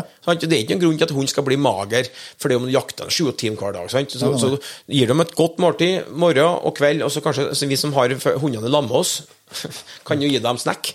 Sant? Når vi, når vi, har, vi skifter hund eller kaller dem inn, så kan vi ta dem en liten snackpølse og gi dem. Så på en måte at du, du, du, du holder batteriene i gang, og da vil du ha en hund som holder lengre jaktdager. Og en hund som er godt trena, godt fôra, er mer konsentrert enn en som sprenger bare for at den er løpsidiot, altså. Ja, og så restituere seg. Ja, ja, ja. ja, ja. Ja, også, Så, også tenker jeg Det er jo spesielt viktig på fuglehunder. For altså, jeg tenker på de jaktdagene som uh, elghundene våre eh, er ute for, da, Mm. og har uh, sett at det er en dag med, med mange mil i fotene, Mm. så er jo det ingenting, det, oppimot nei. Også, en, en, fuglehund som tilbakelegger fem, seks, sju mil. i galopp, vet du. Nesten. Ja, ja, og hver jævla dag i fire-fem dager. Ja, ja, ja. For det er jo sant, det det er jo, det er jo, det Det, det, det, er jo- det grunn til at, til at uh, de har blanda inn fuglehunder inn i alaskahuskene. Ja, ja, ja. ja, ja. Du, du, du ønsker det. Det er jo en, vi har jo avla hunder som har voldsom løpslyst. Ja. De har lyst de, de, de, du kunne, Skulle du si som om de har sprengt av seg en halvfot, liksom, så kan de, de verstingene sprenge videre. Ja. Ja. Så, eh, ja, så tror jeg jo at det, det er jo eh, altså En, en elghund ja, som skal passe på så ikke jeg på en måte støter noen, men sant, de, de, de får nå trava litt rundt omkring i terrenget. Sant? Det er jo ikke sånn at de sprenger i vill galopp i sju timer før de finner en elg. De, er, de, er jo for, de er jo for smarte. Ja, og de er jo ikke spesielt smarte, fuglehundene. Det kan vi kanskje være enige om, da. Men de sprenger, ja. Ja, de Ja, de er avla. De er, vi har jo avla på den rommastene sikkert i masse år, da. Ja. Så, eh, men jeg, jeg tror liksom det er altså, Jeg, jeg syns jo at eh, hundene fortjener på en måte å, å, å bli Først å bli sna, snakka til eller kommunisert med eh, på deres måte. Altså, de må skjønne hva vi mener, og de skjønner ikke lange, utbroderende samtaler. Det er, det er hyggelig, men har ikke noe med dressur å gjøre. Så vi får oss en hund, så syns jeg vi, vi fortjener Vi ønsker jo å ha den best mulig, men da fortjener hundene at vi gjør det som faktisk skal til. For de beste Ja, vi må i hvert fall ikke, Hvis ikke vi har gjort jobben, så må vi da pinadø heller ikke bli sur på hundene våre for at de ikke gjør jobben. altså. Da må vi heller gå og sparke oss sjøl i ræva. Ja, for det, det, det er for dumt, syns jeg. Og, og så syns jeg òg det at at eh, uff, så ble det ikke det sånn som vi hadde tenkt, da. Men da må vi heller søke råd, altså. For det eh, være mer ut Kan du si at vi må med en, med en harrehund en elghund, altså, men på en fuglehund som på en måte har et eller annet som gjør at den ikke kommer videre, så er det som regel, da, eh, hvis en skal ta bare fuglehund, så er det sånn at det, det, det, det, er småting som skal til. Og jeg syns de fortjener det, hundene våre. At de får eh, Vi bruker eh, halvannet første året, to årene, til å eh, forme dem sånn som vi ønsker de skal være. Når vi altså, Så kan vi ha åtte-ti år med topphund, i stedet for at vi ramla til, og, oi, og så var det plutselig jakt. Ja, hund er noen få måneder gammel, åtte-ni-ti måneder gammel, artig å ha den på jakt. Ja, dæven, det lett å rype, og så skjøt, og så ble hunden redd. Tull. Altså, vi, det er liksom Ha en plan. Ja. Ja, så, så når vi har snakka om dette, og nå tror jeg altså det med Jeg hører av og til som jeg kan la meg irritere ganske eh, betydelig over det, når du hører at noen sier Nei, jeg, det ble så tra jeg har ikke hatt tida til hunden, så jeg har spilt ikke vært travelt, og travelt har ikke fått tida. Ja. Og det er greit. Ja. Men, men eh, ikke bruke så mye altså Det er så, er irriterende unnskyldning, for det som er sannheten, er at du ikke har prioritert den. ja, helt riktig. Og det er en vesensforskjell. Og det er helt. Av og til kan livet snu helt om på seg, så det ikke det lar seg gjøre. Ja. Så det er på en måte en helt ærlig sak. Ja. Men det er noe med å være ærlig både overfor seg sjøl overfor hund. Ja. At dessverre Også- så ble det ikke prioritert ikke sånn som jeg hadde tenkt jeg skulle gjøre. Nei. Ja, for det, det, det er en stor forskjell å Ja. ha travelt og ikke prioritere. Ja, Ja, ja. og så alle, vet du, husk på at altså, alle, Når du har hund, så må du eh, tre, fire, fem ganger tre, ganger i løpet av døgnet Så vil, må du gjøre noe med den hunden som får pissa seg etter utomhus. Mm. Det gir deg jo muligheten til å gjøre noe mer enn akkurat bare å gå ut i fleksibåndet og lese OK, du pisser, ja? Ok, inn igjen. Mm. Altså, vi kan jo gjøre noe. Altså, det, det, å dressere hund betyr ikke at du må sette av hver tirsdag klokka halv åtte til å ferde på en dressurbane. Nei. Det er på en måte bruke det da, være lamme hund. Altså, jeg, jeg dresserer jo ikke mine hunder mye, men det er veldig mye lamme dem. Sant? Og så på en måte når jeg sier at nå sa jeg sitt, og det mener jeg, og da sier jeg det hver gang. Da krever jeg det hver gang. Men jeg driver ikke og hiver rundt meg med en masse kommandoer. Nei. Nei. Men jeg er mye lamme dem. Men altså, vi har, har, vi, har vi tida til å ha Altså, har vi hund, så vil de fleste hundene få komme seg ut noen få ganger i løpet av døgnet, og da har vi muligheten. Og så er det sånn, det å sykle med dem, eller trene dem litt, men du må ikke det bare for den ene lille jaktturen du skal ha. Men sant, hvis målet er at du faktisk skal noe mer, så må man legge opp litt mer til det. Da, dere jakter mer elg enn en, en snittet. Det betyr at dere gjør litt mer med hundene deres enn den som dere er ute og skjøt, treffer elger bare for at den på, på, jorda, liksom, og så artig å ha en elghund i tillegg. Sant? Det, blir- det blir noe helt annet. Ja. Ja, så det, det er bare, både ærlig med seg sjøl og ærlig med hunden sin. Altså for at, eh, Mm. Ja. Og igjen, som vi snakka om i stad, så at eh, hvis målet som du sier er helt annet, eller eh, er familiehund, Ja. så er jo Ja. det helt greit, ja. Det er Ja. ikke noe, det er Og familiehund blir dem, det er bare å forme dem. Men det er, sant, det er jo enda artig, en, en egen dimensjon det at du har faktisk en familiemedlem som bidrar helt fantastisk på jakta. Ja. For det er, jo, Ja, ja. det er jo ingenting som kan måle seg med på en måte, altså, jeg, har ikke, jeg, har ikke, jeg har ikke skutt i elg i stålos, men, men, men eh, det å skjøte Eller avslutte en jaktsituasjon med hund er jo fantastisk. Ja, ja. altså det, det er første dyret for en drever Ja, ikke sant? Det er jo eh, en matressurs, men det er jo en opplevelse som Det kan jo ikke måle seg med det, noe mer eller Nei, mindre. altså, så det her, det her følelsen av å så kan jeg jo, Det er jo på en måte et tema vi kunne snakka om, altså om hvor viktig eller lite viktig eller hva det er for fuglehunder å beskutte felt for. Men i hvert fall, altså, det er jo sånn Det er jo også et, stor milepæl på liksom den reisen du har hatt. da. Ja, ja, Altså, ja. og Jeg tror mange Jeg tror, jeg tror selv, altså, Jeg har hatt mange hunder. Jeg tror, jeg tror det kan sånn komme på de her første standene og de første fellingene til nesten hver eneste hund. Sant? For det, det, det er jo noe Oi, der står noe! Det er kult, sant? Og, og sant? Det, spesielt de første. Det, det står brent fast, det. Ja. Klart det. Ja. Altså, og det, det, er jo det, det er jo det som gjør det så artig. Ja. Og så på veien der sant, så, så er det jo artig å være med og få seg noe, gå delta på jaktprøver og, og, og kan få premier og alt det der, men det er liksom det Det er jo den her Det å ja, som du sier, De som har hund og fer på tirsdagstrening og trener på sitt, det er jo det de syns er kjempekult, det. Og vi driver og trener og for å nå målet som er enda et hakk videre i min verden, sant? og det å få brukt den som jaktkompis. Det er jo derfor vi holder på med det. Altså, hvis vi har hund for at vi bærer i altså, Det er et sånn ren ting-greie, det, det tror jeg nesten ikke noen som har. Nei. Det, er en, det er en del med det. Ja. Absolutt. Hvis du skal prøve å beskrive eh, det dine hva som er en optimal fuglehund, ja. Ja. Altså, hvis du på en måte kunne bestilt en sånn Jeg skal ha den akkurat sånn. ja. sånn. Det er sånn. vanskelig. F- Først og fremst så er det en forster. Det er en fuglehund, ja. Eh, Nei, altså en- det, det, du kan, altså det, det er vanskelig, sant. Det er- Du, når du har hatt mange hunder, så tenker jeg som så at noen hunder løser det, det å løse oppgavene gjøres på veldig mange forskjellige måter. Men det er klart, de hundene Jeg har jo hatt noen hunder som jeg tenker tilbake til at det søkke de var gode. Og kanskje eh, Kanskje hadde mindre hunder, så de fikk mer tid, så det var utviklinga som gjorde at de ble som de ble. Men det er jo ikke noe tvil om at de hundene som har en voldsom utholdenhet jaktlig sett. Altså de som med, Om det er mye motstand i snøen, skal du si at det er mye snø- løssnø, eller at det er dag seks eller sju på jakta, at de fremdeles står på, dem liker jo jeg. Altså, jeg, jeg liker at nå bestemmer jeg at vi skal gå hjem. Ikke at- lojaliteter. Ja, ikke det at, liksom, at nå gidder ikke jeg mer, sant? sier hun. Og, og så må vi gå hjem. Det liker jeg dårlig. Jeg liker hunder som trykker til. Og, og, men ikke, ikke noe at det, å trykke til betyr ikke at de går stort. Nei. Men de går så stort at de dekker det terrenget som jeg tenker at det er naturlig å dekke. Mm. Og det er terrenget som bestemmer. Sant? Eh, er det Ytternamdalen, der jeg jakta mye og trena mye, der er det jo mye opp og ned og grankrag og, og dalfører og alt det der. Klart, hvis de er på bestandig på neste fjelltopp, så er jo ikke vi på jaktlag. De liker jeg ikke. Men jeg liker hunder som virkelig tar for seg. Men jeg liker hunder som, som, som Og det kan være dressur som gjør at de blir sånn, men når jeg, jeg, jeg, trener dem jo mot at de skal bli ganske opptatt av hvem jeg er. Og hvordan de, eh, at de skjønner at vi er i lag om dette. Og at de trykker på og jakter til de får beskjed om at nå skal de gå bak, eller nå er dagen over. Og så setter pris på dem som er gode til å finne fugl. De som kommer seg innpå fuglen og gjør jakt, fuglearbeidet enkelt. Og det å skjøte ryp kan være alt fra at en hund står og så ligger rypa en eller annen plassen framom dem. Sant? De, er- er sikre på at det ryper, men de er ikke helt sikre på hvor hun ligger. Kontra at du har en som på en måte det siste meteren, de siste stegene, så ser du at den lurer på om det er en mellomting mellom kattepus og pa- pan panter du har med sant? som tar det siste steget og så tenker der legger rypa. Sant?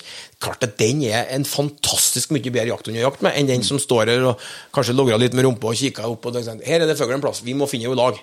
Det er ikke jeg så glad i. Nei, men de er der, ja. Men jeg på en måte prøver jo å forme dem sånn at de skal bli sånn som den siste pantersteget. da. Ja.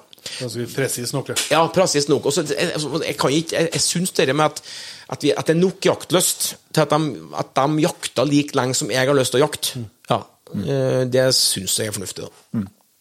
Artigere. Ja. Ja. Hva er Nå sa du at du har hatt veldig altså du har hatt mye hunder. Kan du klare du å plukke ut hvem den beste du har hatt fram til nå? Ja, altså, dere, det, det er, altså jeg, jeg hadde en periode der hadde tre hunder som var kjempegode.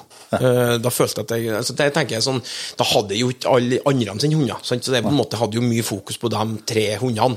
Eh, Men det var en av dem, han heter for Limit, det var en engelsetterhannhund. Han var eh, Han hadde sine minus, han som alle andre. Men dæven, han sto på, altså. Ja. Det var ikke noe, altså Jeg husker vi var inne i Sverige og jakta, lå der, og om det var dag fem, seks eller sju, det vet jeg ikke, men vi, om morgenen, liksom, når eh, vi skulle komme oss ut av lavvoen og begynne neste, den nye jakta, så var det sånn at noen halta litt, og noen hinka litt, og liksom gjorde seg klar, og han sto liksom og hoppa opp og ned bort med busken og var klar for en ny jaktdag.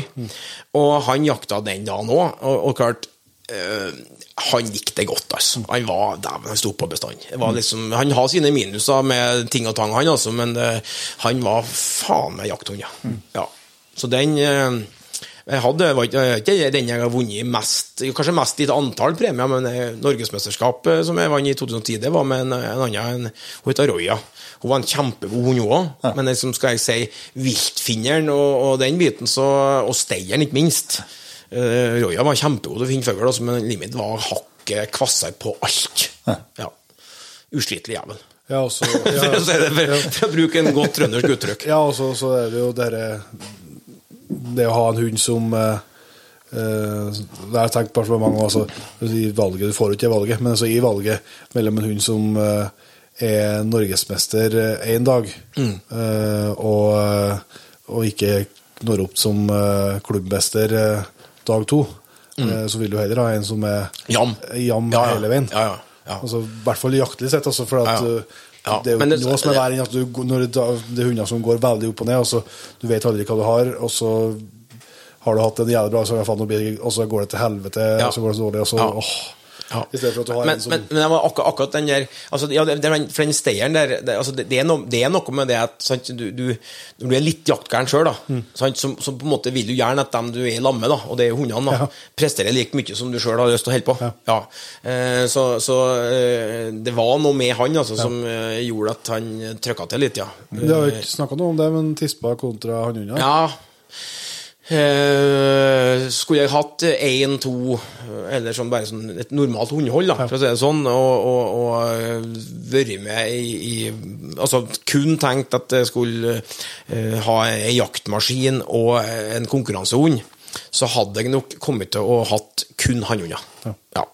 Eh, og det går på hormoner og løpetid, rett og slett. Tidspunkt kan være akkurat like god når de er i rett hormonbalanse. Ja. Men eh, det, det, de, de, er, de har mer med seg i forbindelse med løpetid, og løpetiden kommer jo i du, du, kan kjøre, kjøre opp uh, oppkjøringa mot sesongen, og så bare trykke på 'dæven, nå er jo god'. Og så på torsdagskvelden får du løpetid eh, før NM som begynner fredag. Sant? Det er jo kjempefrustrerende. Ja. Så, så skulle jeg virkelig satsa på jaktprøver, og sånt, så har jeg hatt eh, en par hannhunder. Ja. Eh, nå har jeg litt av hvert, både Handøya og tisper, og, og det vet jeg, vet jeg kanskje ikke om jeg vil anbefale heller, heller. for det er noe med løpetid og hannhunder. Eh, men eh, vi har nå litt forhold for og kan, kan si, eh, adskille dem åt, vi, da. Eh, men eh, samtidig, så i en familie sånn skulle sånn, sånn Ja, vi har jo en som er ti år gammel sønn, og det, det er jo enklere i en barnefamilie å håndtere en liten tisp enn en forbrytende stor hannhund. Det, det er jo noe, men sånn jaktlig sett, i det, i det sånn jevne, så vil ikke jeg si det at det er større, det større individuelle forskjeller i rasene enn det er mellom kjønnene. Ja. Det er i hvert fall min For å få til en jakttur, liksom. Ja, ja, ja. ja, ja. Og jeg tror ikke at verken tisper eller hannhunder at du kan si at det ene er enklere eller vanskeligere å få til. Det tror jeg ikke vi kan si på noen hunder. Det er individet eller individuelle forskjeller også, som gjør det. Mm. Uh, ja, det er i hvert fall det jeg mener. Bra. Jeg må spørre deg om en ting her, for du, du ble slemma som en frittalende og ærlig mann. Eh, og for når jeg gikk, eh, var med på, var med på en jobbprøve som før vinterprøva for 15-20 år siden, Ja. så var det unntaksvis at jeg så at, at du la merke til at det var en annen uh, hundfører som kledde på hunden sin uh, klær. Ja. Altså kondomdress og Ja. sokker. Eh, og så ser jeg jo de mye bilder og, og fuglehundpartier sånn som er ute på jaktprøve nå i dag. Så er det veldig mye mer eh, dresser og sokker og Ja. Veldig mye. Hva er, hva er årsaken til den endringa der? Nei, er det, er det, vi, vi, har jo skjønt litt at eh, vi, altså, Du kan si det sånn at eh, vi, vi, når vi går oppoverbakka, så kler vi tå oss klær via når vi er i aktivitet. Og så setter vi oss ned så for å unngå å bli kald og stiv i muskulaturen, så kler vi på oss, vi òg. Det, jeg tror nok at vi Altså, det å, å kle på hundene og ha på dem varmedekken Det er helt enig med Jeg begynte jo Første jaktprøven var i 1997, og da var det jo helt som du sier, unntaksvis nesten så du flira litt. Da, ja, nesten sånn. Er du dalla for mye med hund, liksom. Ja, ja. Kan, i, dag så De fleste hundene har, går med varmedekken vinterstid, og, og, eller regndekken på høsten hvis det er dårlig vær. Altså kombinasjon varme eh, eller regndekken. Eh, og vi kler på dem og tar mer altså det, sånn, vi, vi er jo mer uh, profesjonelle, kaller det det. da. Vi tar mer vare på, på jakthundene våre enn vi gjorde før. Ja, det- det- Eh, for det- og det, det er eh, i utgangspunktet til det bedre, til det beste, Ja. tror jeg. Samtidig som at vi kanskje eh, ta, har tatt et steget langt nok. Ja.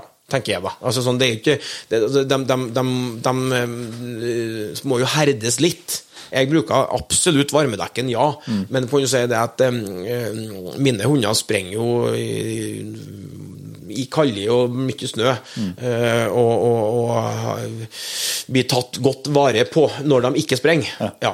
eh, så vi er jo absolutt kommet mye lenger, og, det med potesokker er jo eh, kjempebra på enkelte føre. Sant? Man trenger ikke potesokker hele tida. Nei. Nei, det er noe med herding òg, men det- herding er ikke det samme som, som å altså på en måte, du, du, du gjør det mest for å unngå skader. Sant? Så du på en måte ja, har du setter, sant? så jeg, jeg bruker på setteren så har jeg potesokker alltid på vinteren når jeg går på, på, på jaktprøver. Og det er så enkelt som så at jeg vil ikke at hundene mine hives ned for å bite en snøklump. For det kan skje hvis de, legger, hvis de, hvis de får snø mellom labbene. Så kan de hive seg ned og, og bite bort den, og da sprenger makkeren ifra meg. Ja. Så jeg, da, da bruker jeg som et sånn konkurransefortrinn, kaller jeg det. da. Eh, og på jaktdagene, hvis det er sånn, eh, tidlig på høsten kjempevarmt og tørt i fjellet. Klart at det er for- fordel å ha potesokker på. Mm. så jakta du noen områder med litt reinsmosser og mm. ja, bergrabber og tørt, tørt, tørt terreng. Er Kjempefordel med labber. med Potesokker. Ja. Men, Ja, det- men vi det- må på en måte Denne sykkelturen jeg gjør rett ut fra døra hjem, fem kilometer eller sju kilometer daglig, eh, da har jeg ikke potesokker på. Nei. Eh, men jeg følger jo med hundene etter hver økt, så går jeg over labbene, og så ser jeg at oi, nå har du fått litt mye slitasje, da kan en få seg en dag eller to fri. Mm. Eller ha på potesokk. sant? Men på en måte, det, det, er jo, det er jo noe med å herde dem litt òg. Mm. Ja. Men, men det med varmedekken, det er jo, det er jo kjempeviktig. Og, og et varmedekken det skal ikke se ut som en sal. Nei. Nei, et varmedekken det skal dekke ræva på hunden. Det skal dekke hoften. Ja. ikke liksom sånn fint sånn oppå, midt oppå ryggen. Nei, nei, nei. Nei. For det, det, det håper på på vis og svaret, at det er vi som, vi som hundeeiere som har blitt flinkere til å ta vare på hundene våre. Ja, ja. Og ikke, ikke at det er noe som har blitt avla, altså, på fram at vi, vi er jo altså, vi, vi, vi er jo altså, hele altså, Jakthund-Norge har jo tatt Vi er jo kjempeflinke. Ja. Det, er jo, det er jo min påstand. Altså, I alle Altså, hvor mange var det som sykla med elghundene sine før elgjakta på øh, 50-60-tallet? Liksom, de, de ble sluppet løs og det har stått i kjettingen øh, sist jakt. Tror, tror du kan strekke den til 90-tallet, Ja, ja, sant, jeg tror det. Absolutt. Men i dag er jo, det er jo helt vanlig. Altså, jeg kjenner jo masse engasjerte eh, jegere som begynner jakta sin eh, si, i Sverige i september. sant? Elgjakta.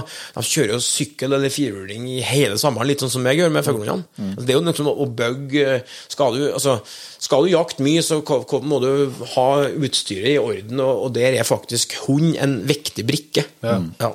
Ja, har du noe først ramla ned i den gryta som vi har med at er liksom hundejakta som er meninga med livet, så må du bare, må du bare ta konsekvensen. Ja, det var veldig viktig. Uten tvil. Du, vi skal begynne å runde av litt etter hvert, Bertil, så vi holder deg hele natta, for her gjør jo klokka godt, men det har vært veldig, veldig bra. Eh, Men vi har noen faste punkter som er på slutten. Eh, Det er jo noen faste spørsmål, først og fremst. da. Og da eh, lurer jeg på Hvis du skal komme med noen så Du har jo kommet med sikkert 230 tips, da. Men hvis du skal trekke fram ett av dem som skal være det enkleste og beste jakt- eller hundtips, da, hva legger du på? da? Nei, altså, Jeg bruker å si tydelighet, ærlighet, presis Altså være litt sånn tydelig på det. Eh, altså på en måte ha en, ha en liten, det å ha en plan for det man Altså, Man har kjøpt en hund, og da må man på en måte ta, ta, legge, opp så at det, man lykkes med det. Eh, så det, det tenker jeg å være eh, tydelig, ærlig overfor hund. Det, det fortjener hund, og da, hvis du er det, så får du òg et forferdelig mye enklere hundhold. Ja. Ja. Ikke, ikke, altså det å distansere oss fra det hun egentlig er, eh, vanskeliggjør det. det Hund er en hund. Det, det er et dyr. De har spiller med dem på de måtene og premissene deres, kommuniserer med dem på en måte som de skjønner. Ja. Det både fortjener dem, og vi gjør det mye enklere for seg sjøl. Ja. Bra. Yes. Jeg hørte jo i starten du var innom på jaktvåpnene, på våpengarderoben, at du ikke eh, var den som har kosta på mest penger der, da. Men hvis du skal ta sånn generelt jaktutstyr eller hundeutstyr, da. ja. Er det noen anbefalinger der du vil komme med som du er to ting som jeg er fryktelig glad i. Ja. Eh, når det gjelder hundetrening, så er det, var det en revolusjon med at GPS ble funnet opp. Altså, GPS-halsbåndene det, det kan jeg ikke få prisgitt nok. Og så skjønner jeg at noen har en mening om at det skal man ikke bruke, for man får storgodte hunder eller et eller annet. Og da, til dem så svarer jeg det at altså, det er ikke GPS sin skyld at hund går stort. Det at eier, altså den som fører, går og bruker øynene ned på den jævla GPS-en, desken, skal du si, det er ikke hundens skyld og ikke GPS-ens skyld. Men GPS-en den er fantastisk på alle mulige måter, både, og det er uansett jaktform. Om du skal lære hund å komme, så vet du hvor hund er Mm. Og, og når du på en måte ja, Går den for stort, så ser du det at nå kan du gjøre noe med det. Du kan kalle han inn, vi tenker fuglehund, ja. snu han på, på, i stedet for å stå og tenke 'fanken vartetonene', Så kan du, da kan du faktisk løfte opp GPS-en og se hvor er han. Og du kan, du kan få støtta en unghund som har tatt stand inni et grankjær nedi et krag en eller annen plassen, som gjør at du ikke ser det kanskje 50 meter unna deg, og du leter deg i hjel etter den. I stedet for at han står jo her. Jeg ser den ikke, nei, men jeg er fem meter unna han. Sant? Det er mye enklere, og du får brukt det som et sånt hjelpemiddel.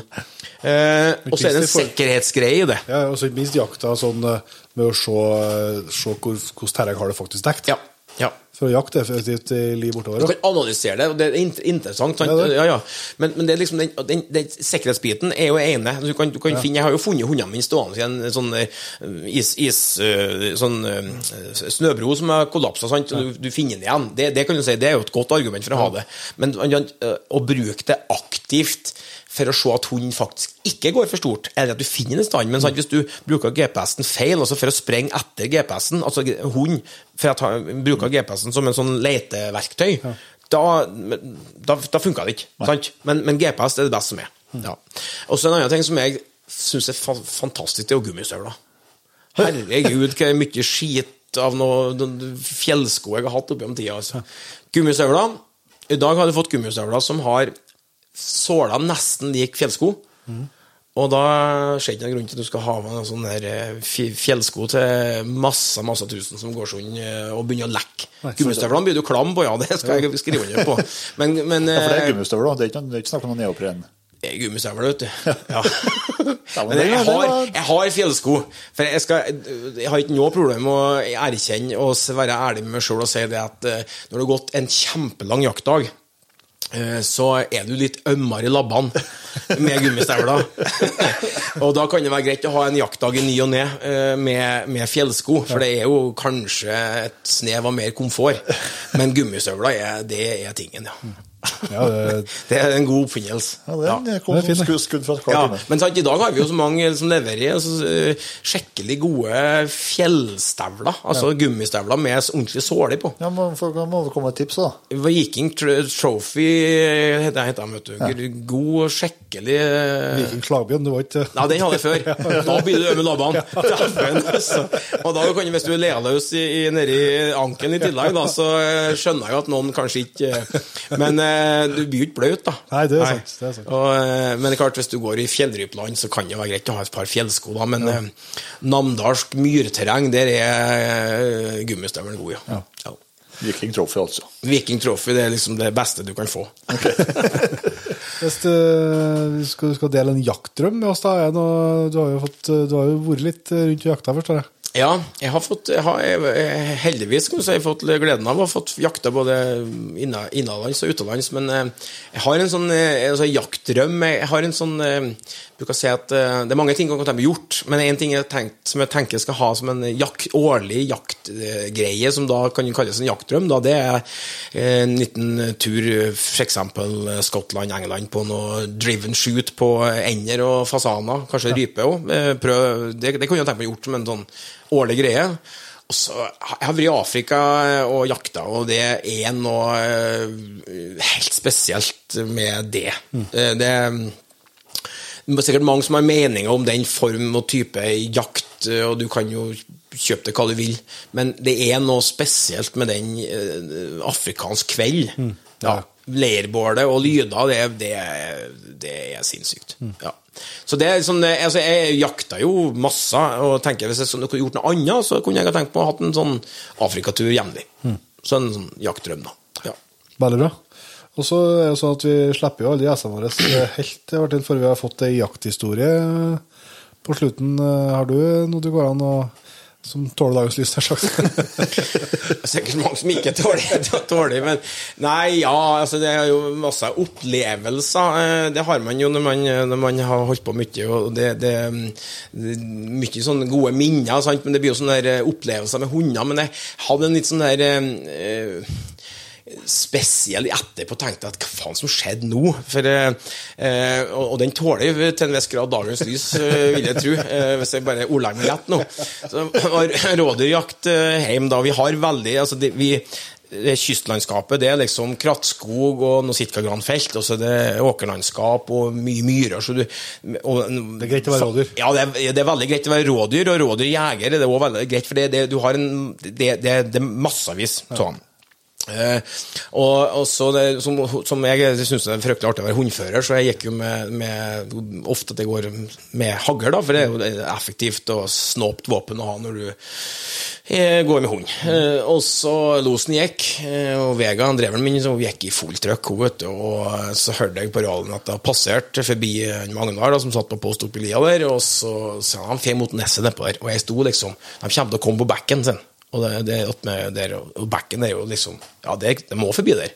Så jeg sprang fram da, og eh, av alle ting så hadde jeg med meg da han, eh, onkelgutten Han var, ikke, eh, han var langt unna gammel nok til å kunne skjøte, men han var med, da. Og så, snu- snu- så kikka jeg bak og sa at nå må du være stille, altså. Og han dukka ned, og så hørte vi losen komme. Og det kom imot meg, vet du, så, rett på, jeg så ingen verdens ting. Og så begynte jeg å se at det rørte seg. To roller, tenkte jeg. Og så kommer det geit og kje mot meg, og vi hadde jo fleksibel kvote, og det liker vi. Så, så, så jeg tenkte at her, jeg tar begge. Og eh, jeg kommer opp med dem, hadde ikke anelse på det var der, sto helt perfekt til. Tok opp hagla, sideliggeren, sant, beste som er. Klemt på på, på kjeet som bakerst, og så Det datt rett ned. Og så hiva jeg geita til sides og stoppa opp, eh, fem meter bortom, klemt på. Og så klemmer jeg bare i hop, bare og, og knekker hagla, inn i nye skudd, og så liksom kikker jeg opp igjen, og da står jo faen meg det første rådyret rett framme igjen, vet du. Sant? Hiva opp og klemt på. Og liksom, ja, jeg skjøt i to, så jeg kom hjem, vet du. Det som har skjedd, vet du, var jo det at når jeg kom fram, så var det et nytt roller som har kommet og sto attmed det første. Så det som jeg trodde var røsset, var et nytt et. Så jeg da fikk tre rådyr da, uten at jeg helt visste om det. Da, er det greit å ha fleksibel rådyrkvote, da. Så eh, det ble jo litt flirring etterpå, da når jeg eh, sa at eh, det ligger faktisk tre rådyr her. Sånn, så. Hvor stor er han, han som Han tror sikkert jakta er sånn. han som satt bak, da. Så ja. Men eh, det gikk heldigvis bra, da. Det, og det, og det, var, det kan jo oppfattes som at det var ukontrollert, men eh, det var, det var jo en fleksibel kvote, som jeg sier, og alt gikk godt. Eh, I kampens hete så gikk det litt, gikk litt fort, da. Det gikk litt vel godt. Ja, det gikk litt godt. Er veldig rart. Jeg skal si tusen hjertelig takk for at du tok deg tida til å komme innom oss og slå en prat. Det har vært helt fantastisk bra, rett og slett. Tusen takk. Jo, takk for at jeg fikk komme. Altså Bertil Nyheim, det da. Som eh, du helt sikkert har plukka opp hvis du har vært med oss helt hit. Så er det en eh, kar jeg tror det er verdt å høre på når det kommer til hunder, og hvordan du kan eh, lykkes med dem, ikke bare på hjemmebane, men også på jakten. Yep. Eh, utrolig god til å forklare, og et voldsomt engasjement. Ja, også sånn smittende engasjement. Ja. Det, du blir ivrig sjøl av, av å delta i en eh, prat med han. Ja, og som eh, ja, har sin, både sine egne meninger og, og sin måte å gjøre det på, som han òg synes klarer å formidle både godt, men ikke minst så tydelig. Ja. Så jeg synes det var, det var en opplevelse å få prate skikkelig med han, så det håper jeg at uh, du holder med oss i du som har vært med hit òg. vi skal gå inn uh, for alvor eh, for landing og gjøre oss eh, klar til de siste forberedelsene til Camp Villmark, men eh, vi må faktisk innom og se at eh, Tror du det, så er det altså rekordmange Jegerpodden Patriens i dette øyeblikket. Ja, det er det. Over halvveis til et eh, stort mål om 3500 og trekking av bjørnejakt i Canada med Norwegian Outfitters. Ja. Det er hjertelig gledelig. og En god, en god, god start på helga. Ja, det. Og Så håper jeg at eh, mange av dem dukker opp i løpet av helga. det håper jeg virkelig jeg òg. Og så har vi jo gleden av å takke de nyankomne inn i jaktlaget.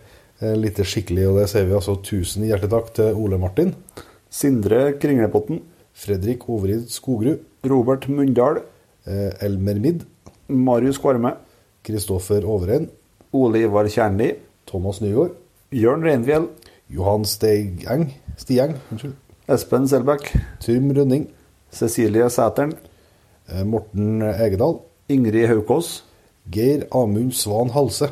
Halvor Askvik. Vegard Røiseth. Svein Jæger Hansen. Nei, se på her! Jeg syns det var vanskelig å være trygt å ikke få se Jegerton her. Ja, spørs Jeg det. lurer på om jeg kan si en enkel så er det blir Peter igjen, da. Arne Aas. Siv Kristin Sørmo. Lasse Berg Tangstad. Magnus Wilhelmsen. eh, SRB Solheim. Bård Vorum. Iver Tovmo. Og Leif Inge Hopstad. Tusen hjertelig takk til dere, og selvsagt til alle de over da 3257 som utgjør eh, Patrion-laget i dette øyeblikk. Tusen, tusen hjertelig takk til dere, alle sammen. Og så håper jeg vi eh, treffer som sagt både mange av dere og alle andre på Camp Villmark. Hvis ikke, så er vi nå tilbake med en ny episode til vekkene. Jepp, det er vi. Så da ser vi som bruker til neste gang. Vi høres.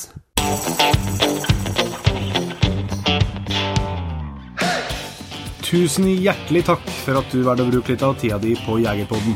Sjekk ut jegerpodden.no eller eh, din favoritt-podkastspiller for enda mer innhold og flere episoder.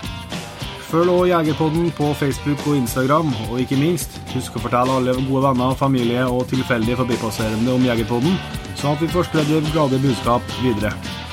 Vi høres.